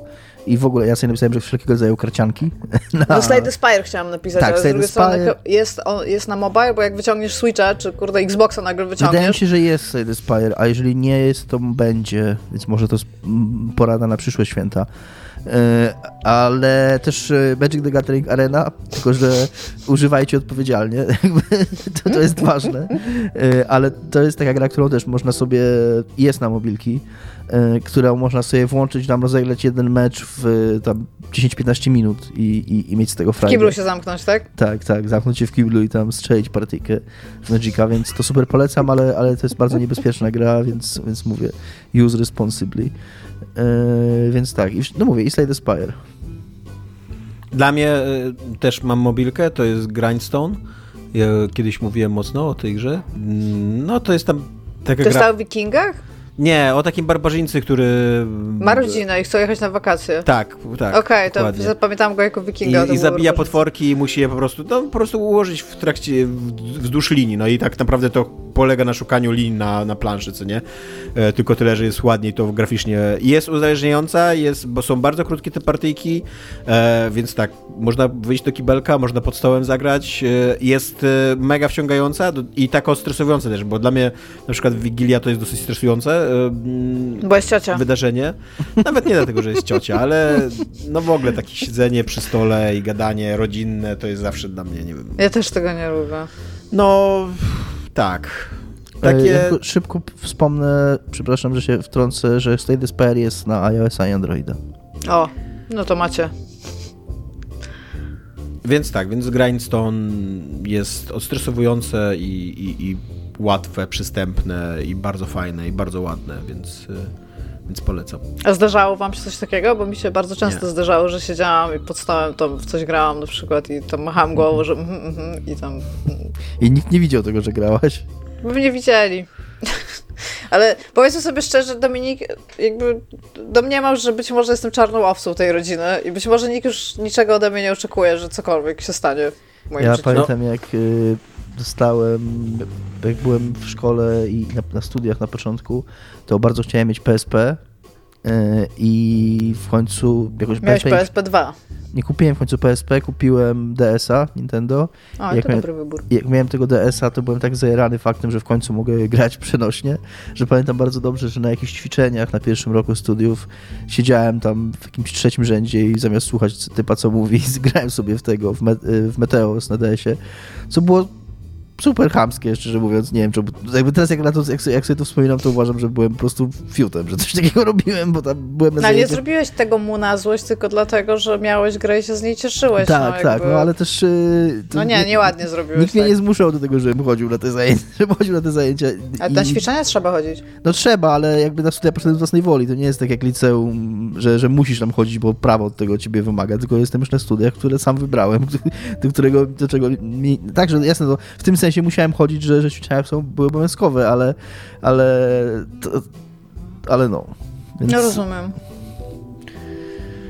Nie jestem dumny z siebie. Pamiętam, no, że ja sobie kupiłam DS-a Lite y, różowego i pamiętam, że go sprowadziłam ze Stanów. Byłam super nim podjarana i pamiętam, jak się nim cieszyłam, więc jakby I feel you, bro.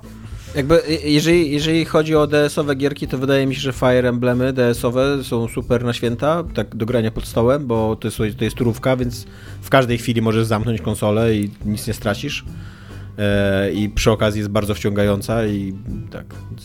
Awakening i ten drugi, nie pamiętam jak się nazywał ten drugi. Eve. Tak, on się nie nazywał Eve. On się miał nazywać Eve. Nazywał się w końcu Fates. Eve Fates. Dobra.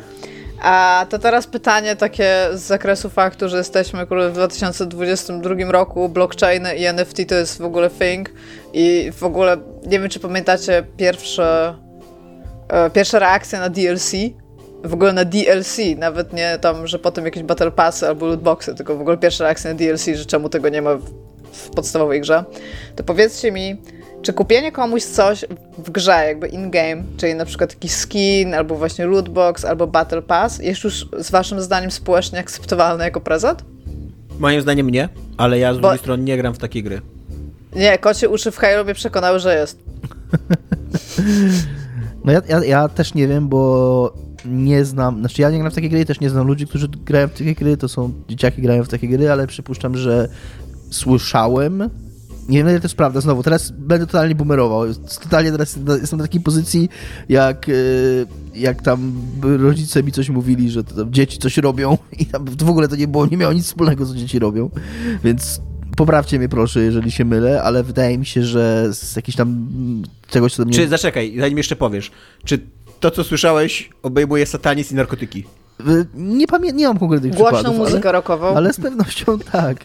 E, I że jest coś takiego teraz wśród dzieci, taka jakby pre, presja rówieśnicza, że, że jeżeli grają sobie jakiegoś tam Fortnite'a i ktoś ma ma ten, tego basic, tego skina. To jest defaultem.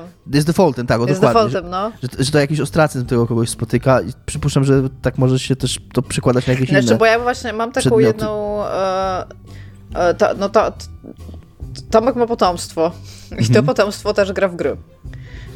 I był taki e, moment, że Ninja miał skina swojego w Fortnite. Mhm. Bo teraz już Fortnite to, to, to, Fortnite to już jest w ogóle stara sprawa. Jezu, w ogóle słuchając tego i się czuję stary w chuj, po prostu. Tak, i, i Ninja miał taki, skina w Fortnite, co Tak, i Battle był taki, że bardzo... Jestem to, jak moi rodzice, totalnie. Przedstawiciel potomstwa Tomasza y, y, bardzo chciał to, to, tego skina. No i my tak się spojrzeliśmy i w ogóle ten skin to, to nie jest taka tania sprawa, jak się okazuje, bo on tam ze stówę chyba kosztował, co jest dosyć dużymi pieniędzmi, nie? No i tak stwierdziliśmy, że no tak, wiecie, z okazji tego, że jest wtorek, no to, to trochę głupio dać komuś coś, żeby coś na to zapracował. No i teraz znajdź czynność, którą może wykonywać jakby dziecko, żeby mogło jakby tą stówę zarobić. No i tam w końcu umył samochód, tak? No i tam spoko. I on się strasznie tym jarał. W sensie strasznie, dzwonił do znajomych, pokazywał tam ten, jakiego ma skin and shit, więc jakby domniemam, że to dla niego był strasznie fajny dzień i strasznie fajny prezent, nie? No to Iga Tylko, odpowiedziała to pytanie za mnie. Nie, nie, tylko że z drugiej strony na przykład teraz jest tak, że mówię, że teraz już w Fortnite to nie gra, bo Fortnite to już jest w ogóle coś starego, nie? Okej, wow. To ja jestem na tym etapie, że dzieci grają w For- Fortnite'a i Minecrafta, więc Minecrafta wciąż. Minecraft jest wciąż jakby- the shit. Ja jestem na tym Tak. etapie, że ci grają w PUBG, kurde. Nie, dzieci chyba nigdy nie grały w PUBG. Ja mówię, No, dzieci urosły i grają w PUBG po Fortnite być może. No, ale tak. Ale nie, Dobra. nie, ja by... Ja też bym chyba nigdy nie chciał. A tak- boosterek? Dominik, O, jakbyś- jakiś kodzik na ten, A, na jakbyś maksa. dostał boosterek? O, Jak dostał o, kodzik o. na, na te, na, na Albo karty. jakiś czołg, też ludzie lubią dostawać kody do czołgi. Ale Nie, na, jakieś nagle? takie, na jakieś takie uczciwe DLC do gry, którą lubię, takie wiesz, w stylu tam, nie wiem, do Bioshock Infinite, co nie, jak były ten, ten fabularny y, Mhm. DLC, albo nie wiem, do czego tam, do Bioshocka dwójki też był bardzo dobry DLC fabularny. Tam u Minerva Zden, nie? Tak, Minerva's Den. E, to tak, to coś takiego, no spoko, co nie? Tylko to ktoś już by musiał mnie mega dobrze znać i wiedzieć, że lubię tą grę i jestem zainteresowany tym DLC jeszcze, co nie? I No, masz ale tą popatrz, jak Dominik za, z- ten, z, na boosterkę zareagował. Uszy aż mu się podniosły. Ty. Prawda. Więc nagle się okazuje, że by przytulił i to ładny prezent, nie? No, tak, jakieś karty tak, do Magica, jak, na, jak najbardziej. Może nie pojedynczego boosterka, bo pojedyncze boosterki to się, to się, to są niewiele warte w tej grze, bo tam na szczęście ona jest na, tyle dobrze zrobiona, że te pojedyncze boosterki to się dosyć dużo dostaje za samo granie. Ale jakąś tam większą paczkę tych gemów i tak dalej, to, to pewnie, pewnie. No, jeszcze teraz walutę chcę, ty. No właśnie, ale Obudziliśmy na przykład jeżeli szatana, chodzi o ty. walutę, jeżeli chodzi o walutę, to taki e, karta podrękowa Steam, świetny prezent uważam. Taka do portfela, no. Też, Tak. Znaczy, bo to jest w ogóle y, system kart podarunkowych, czyli znasz kogoś, wiesz, czym ktoś się tym interesuje, ale nie jesteś w stanie po prostu nadążyć za tym, co, co on ma, co, co by chciał, to to jest w ogóle bardzo uczciwy i fajny patent. Jest bardzo, moim zdaniem, taki fotfol. Tak, w ogóle mm, moim zdaniem taka mm, karta na Steama przy okazji trochę obchodzi, bo ja mam trochę wrażenie, i znowu nie chcę brzmieć jak jakiś tam fiut i tak dalej, y, ale, ale mam trochę wrażenie, że tak coś jak na przykład karta podarunkowa ogólnie do, nie wiem, do sklepu całego jest y, takim trochę znaczy, no może źle, wycofam się z tego, nie o to mi chodzi. Że to nie jest w żadnym sensie Nie powiedziałeś jeszcze nic. No, że, no chciałem powiedzieć, że to jest takie, że to tak świadczy o tym, że ktoś jakby nie, nawet nie, nie, jakby nie podjął wysiłku, żeby, żeby chociaż trochę zorientować się, czym ty się interesujesz. A jeżeli dostaniesz pieniądze na Steama, to jakby jest to z jednej strony bardzo uniwersalne, ale z drugiej strony też świadczy o tym, że ten ktoś przynajmniej wie o tym, że grasz w gry. Więc to już jest spoko. To już jest Ja, takie, to jest że... bardzo duży research na twój Wiecie, temat. co jest fatalną No kartą już wiesz, podarunkową no- jako prezent? No. E, mogę i teraz może też wyedukuję jakichś naszych e, słuchaczy. Jeżeli znacie kogoś, kto czyta dużo książek albo w ogóle to nie dawajcie mu nigdy karty podarunkowej do Empiku. Tak. E, ceny w Empiku są absurdalnie wysokie, jeżeli chodzi o książki, komiksy i tak dalej. I to jest trochę marnowanie kasy, co nie? Jakby jest milion lepszych księgarni, e, zwłaszcza internetowych, gdzie ta karta podarunkowa w tej samej cenie będzie dużo, dużo cenniejsza niż Empikowa. A przy okazji Empik e, ma dosyć podejrzane często praktyki rynkowe, że się tak wyrażę, co nie? Więc też y, no. Nie będziecie, nie będziecie wspierać terroryzmu. Okej, okej. Będziesz z tego wycofywał? Chciałbym się tu wycofać, tak, że Empik nie wspiera terroryzmu. Ja też, nie powiedzia- ja też nie powiedziałem, że Empik wspiera terroryzmu, ale jeżeli nie kupicie karty do Empiku, to nie będziecie wspierać terroryzmu. Tak, nie chcę być rasistą, ale słuchajcie, najgorsze prezenty na święta. E, Przestrzegamy tutaj ludzi, żeby takich nie dawać. Ja wiem, że e, Tomek właśnie przestrzegł między innymi przed jedną kartą podarunkową. Ja bym tylko chciała wszem i wobec przypomnieć wszystkim, że zwierzęta to nie jest prezent. I siedziałam w schronisku na wolontariacie i po prostu to, ile zwierząt trafia do Chyba, że jest schroniska... to dogadany prezent, jakby, co nie? Że... Nawet wtedy nie, nie w święta, przed świętami. Po co brać y, psa na święta jako tam prezent, żeby on był zestresowany tym wszystkim, żeby to, to nie będzie jego norma potem. Weźcie go dwa tygodnie wcześniej, jakby nie róbcie tego zwierzętom na wigilię, nie wsadzajcie ich w ogóle do kartonów, nie dawaj i przede wszystkim wasze dzieci najprawdopodobniej nie są w wieku, żeby mieć psa wtedy, kiedy zaczynają chcieć mieć psa. Jakby chciałam tylko przestrzec wszystkich, że że ja wiem, że to się wałkuje w kółko i w kółko, a ludzie z jakiegoś powodu na tym, tam, o tym zapominają jakby. Więc Tylko tyle. Tak, jeżeli jest przemyślane, tak jak powiedział Tomek, jeżeli to jest ustalone, jeżeli tam będą warunki w ogóle na to, jeżeli to mu też zapewnia stabilizację i te trzy dni, pierwszy raz, kiedy jest w zupełnie nowym świecie, będzie w stanie spokojny być taki pies, kot, kurde, świnka morska. Chomików to już w ogóle nie zliczę, bo chomiki to najprawdopodobniej najczęściej trafiają na śmietnik potem. Ale jakby dajcie tym zwierzętom na luz, nie? One, one nie, nie mają nic wspólnego z tymi świętami. Więc tak. E, oprócz kart podarunkowych i zwierząt. Ja nie uważam, że karty podarunkowe to jest kiepski prezent. Nie, no ale. Ja uważam, że po prostu karty. Że Empik jest drogi i karta podarunkowa do Empiku jest. Stosunkowo ja, takim sobie Tak jak już mówiłem, uważam, że nawet najgorsza karta podarunkowa do Empiku yy, i nie mówię tutaj nic o wspieraniu terroryzmu, yy, to jest fajniejszy prezent niż po prostu dać komuś yy, banknoty w kopercie na święta. Uważam, że to już jest... Czy ja wiem? Ja też, nie? Była taka, tak, przypomniało mi się teraz znowu... Jestem w takim wieku, że, że banknoty w kopercie to jest dobry prezent dla mnie, a przy okazji bardzo łatwo sponsorować terroryzm za pomocą banknotów w Możesz kupować też ludzkie organy, jakbyś chciał, bo to gotówka, jest non-traceable. Y, Więc jeżeli masz jakiegoś znajomego, który wspiera jakieś organizacje terrorystyczne, to uważam, że koperta z gotówką to jest świetny prezent dla niego. Znowu wspomnę Sopranos, bo miałem w jednym z ostatnich odcinków, jakie oglądałem, była właśnie scena, nie wiem, czy to były święta Bożego Narodzenia, nie pamiętam w tej chwili, czy to była jakaś inna okazja, ale że dawali sobie prezenty i właśnie była taka scena, że tam ktoś mu daje kopertę i Tony komuś też daje kopertę i tak wymieniają sobie te dwie koperty. Jakby to, to jest tak absurdalne, jak się na tym zastanowisz, że... że jest to absurdalne, ale w Soprano to ma jeszcze podtekst taki, że tam Tony zawsze musi dostać najgrubszą kopertę z nieba. tak. Więc nie jestem fanem, ale też nie powiem, żebym się obraził czy coś, tylko trochę, trochę jakby, mówię, można to zredukować do absurdu i stwierdzić, że jak sobie wszyscy będziemy dawać koperty, no to tak w zasadzie... Nikt się, nie musiał nic nikomu dawać. To nikt by nie musiał nic, nic nikomu dawać, tak, dokładnie. Aczkolwiek na przykład y, często moja babcia nie ma pojęcia, co mi kupić, bo już jest tak, no wiesz, jest tam trzy, dwa, dwa, dwa pokolenia starsza niż ja, nie? E, i, i, i, tam mi da w tej kopercie tam z 50-100 zł, bo to też jest emerytka, więc to nie jest jakby gruba koperta, ale jest to dla mnie na pewno lepszy prezent niż cokolwiek, co babcia by kupiła sama z siebie, co nie? Bo tak, a nie wiesz, nie... nie wiesz. Tak, dlatego właśnie ja sobie tutaj napisałem jako odpowiedź na pytanie, tak naprawdę teraz trochę szyłem, bo moja odpowiedź na pytanie, którą sobie napisałem, to hum zależy. zależy od osoby, zależy od kontekstu. Jakby trudno powiedzieć, że coś jest obiektywnie złym prezentem zawsze. No chyba, że jest to wspieranie terroryzmu. No to tam karta to jak, jak prezent dajesz... Karta, karata podarunkowa na terroryzm na przykład. To, to byłby obiektywnie zły prezent. Taka fundacja wspierająca terroryzm po prostu i tam wpłaciłem za ciebie i tam certyfikat, nie? Tak, dokładnie. Wiecie, co jest dobrym prezentem, który można komuś dać? Na przykład jak e, lubi dobre treści? Hmm.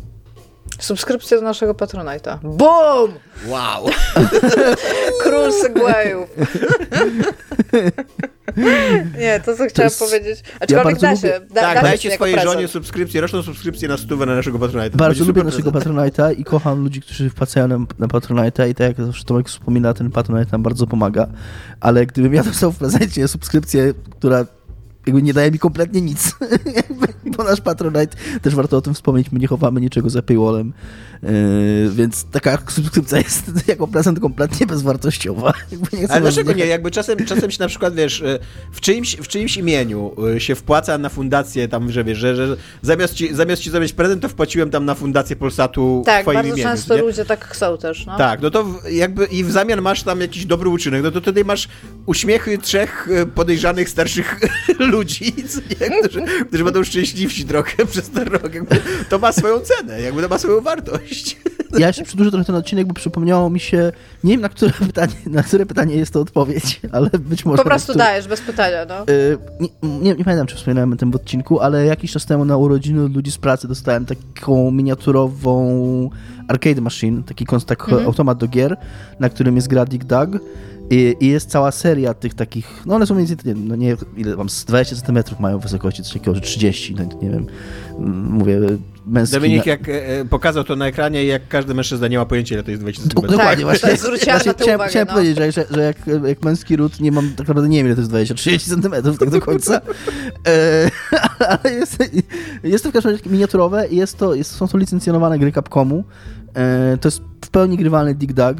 Jest tej też serii m.in. Pac-Man, który swoją drogą jest kompletnie nie, nie do dostania i tak jak te, te konsole, te, kosztuje tam z 50 zł, czy, czy tam 80, coś takiego, a te Pac-Many stoją po kilkaset na Allegro, Mm, ale to, był, to jest fantastyczny prezent, ja się super z tego cieszyłem, praktycznie tego nie używam, tam pobawiłem się tym chwilę, jak to dostałem i tam następnego Fakt dnia... faktem, jak byłam u Dominika, to była pierwsza rzecz, którą mi pokazał i powiedział, siadaj, zobacz, to jest prawdziwa gra i można w to grać. Tak, i to, ja byłem zachwycony, że jest prawdziwa gra i można w nią grać. W tej chwili to pełni rolę takiej durnostojki u mnie w, w pokoju, ale, ale uważam, że właśnie to jest mega fajny pomysł dla prezenta Wydaje mi się też, że, że tak, że takim bardzo podobnym, też bardzo dobrym pomysłem na prezent jest, są te konsolki mini, co nie tam w stylu PlayStation Oj, tak. i tak tak, dalej, co nie? tak, tak, tak, tak.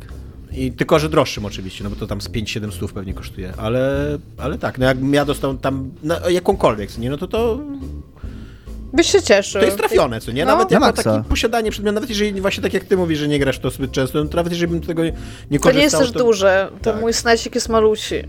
I miło Tak. mi go czasami brać na imprezę, więc tak. Że nawet jak, dokładnie, że nawet jakby taki miał go SNESa miał i tam zraz na nim zagrał, to sam fakt tego, że mam dostęp do gier na SNESa, super. Nie wiem, czemu powtórzyłem to, co Tomek powiedział, to praktycznie nie dodając nic od siebie w tym temacie, ale No chciałem, chciałem To- po prostu brać, brać udział w tym w jakiś sposób też. To, co chcieliśmy powiedzieć, to, to jest fakt, że mamy Patronite'a. Jeżeli chcielibyście nas wspierać, to byłoby nam bardzo miło. I Jeżeli nie chcielibyśmy będziecie... podziękować bardzo Mufinkowi, Michałowi i Tomaszowi za wspieranie nas na najwyższym poziomie. Tak. Jeżeli e, nie chcecie nas wspierać albo chcie, chcecie, a nie macie jak, to, bez Przemyślcie. problemu. Ale też również przemyślcie, jakimi ludźmi jesteście. E, nie, nie mamy zamiaru nic chować za paywallem, tak jak powiedział Dominik. E, I w sumie chyba tyle z naszej strony. To Tak? cześć. Cześć. Pa, pa.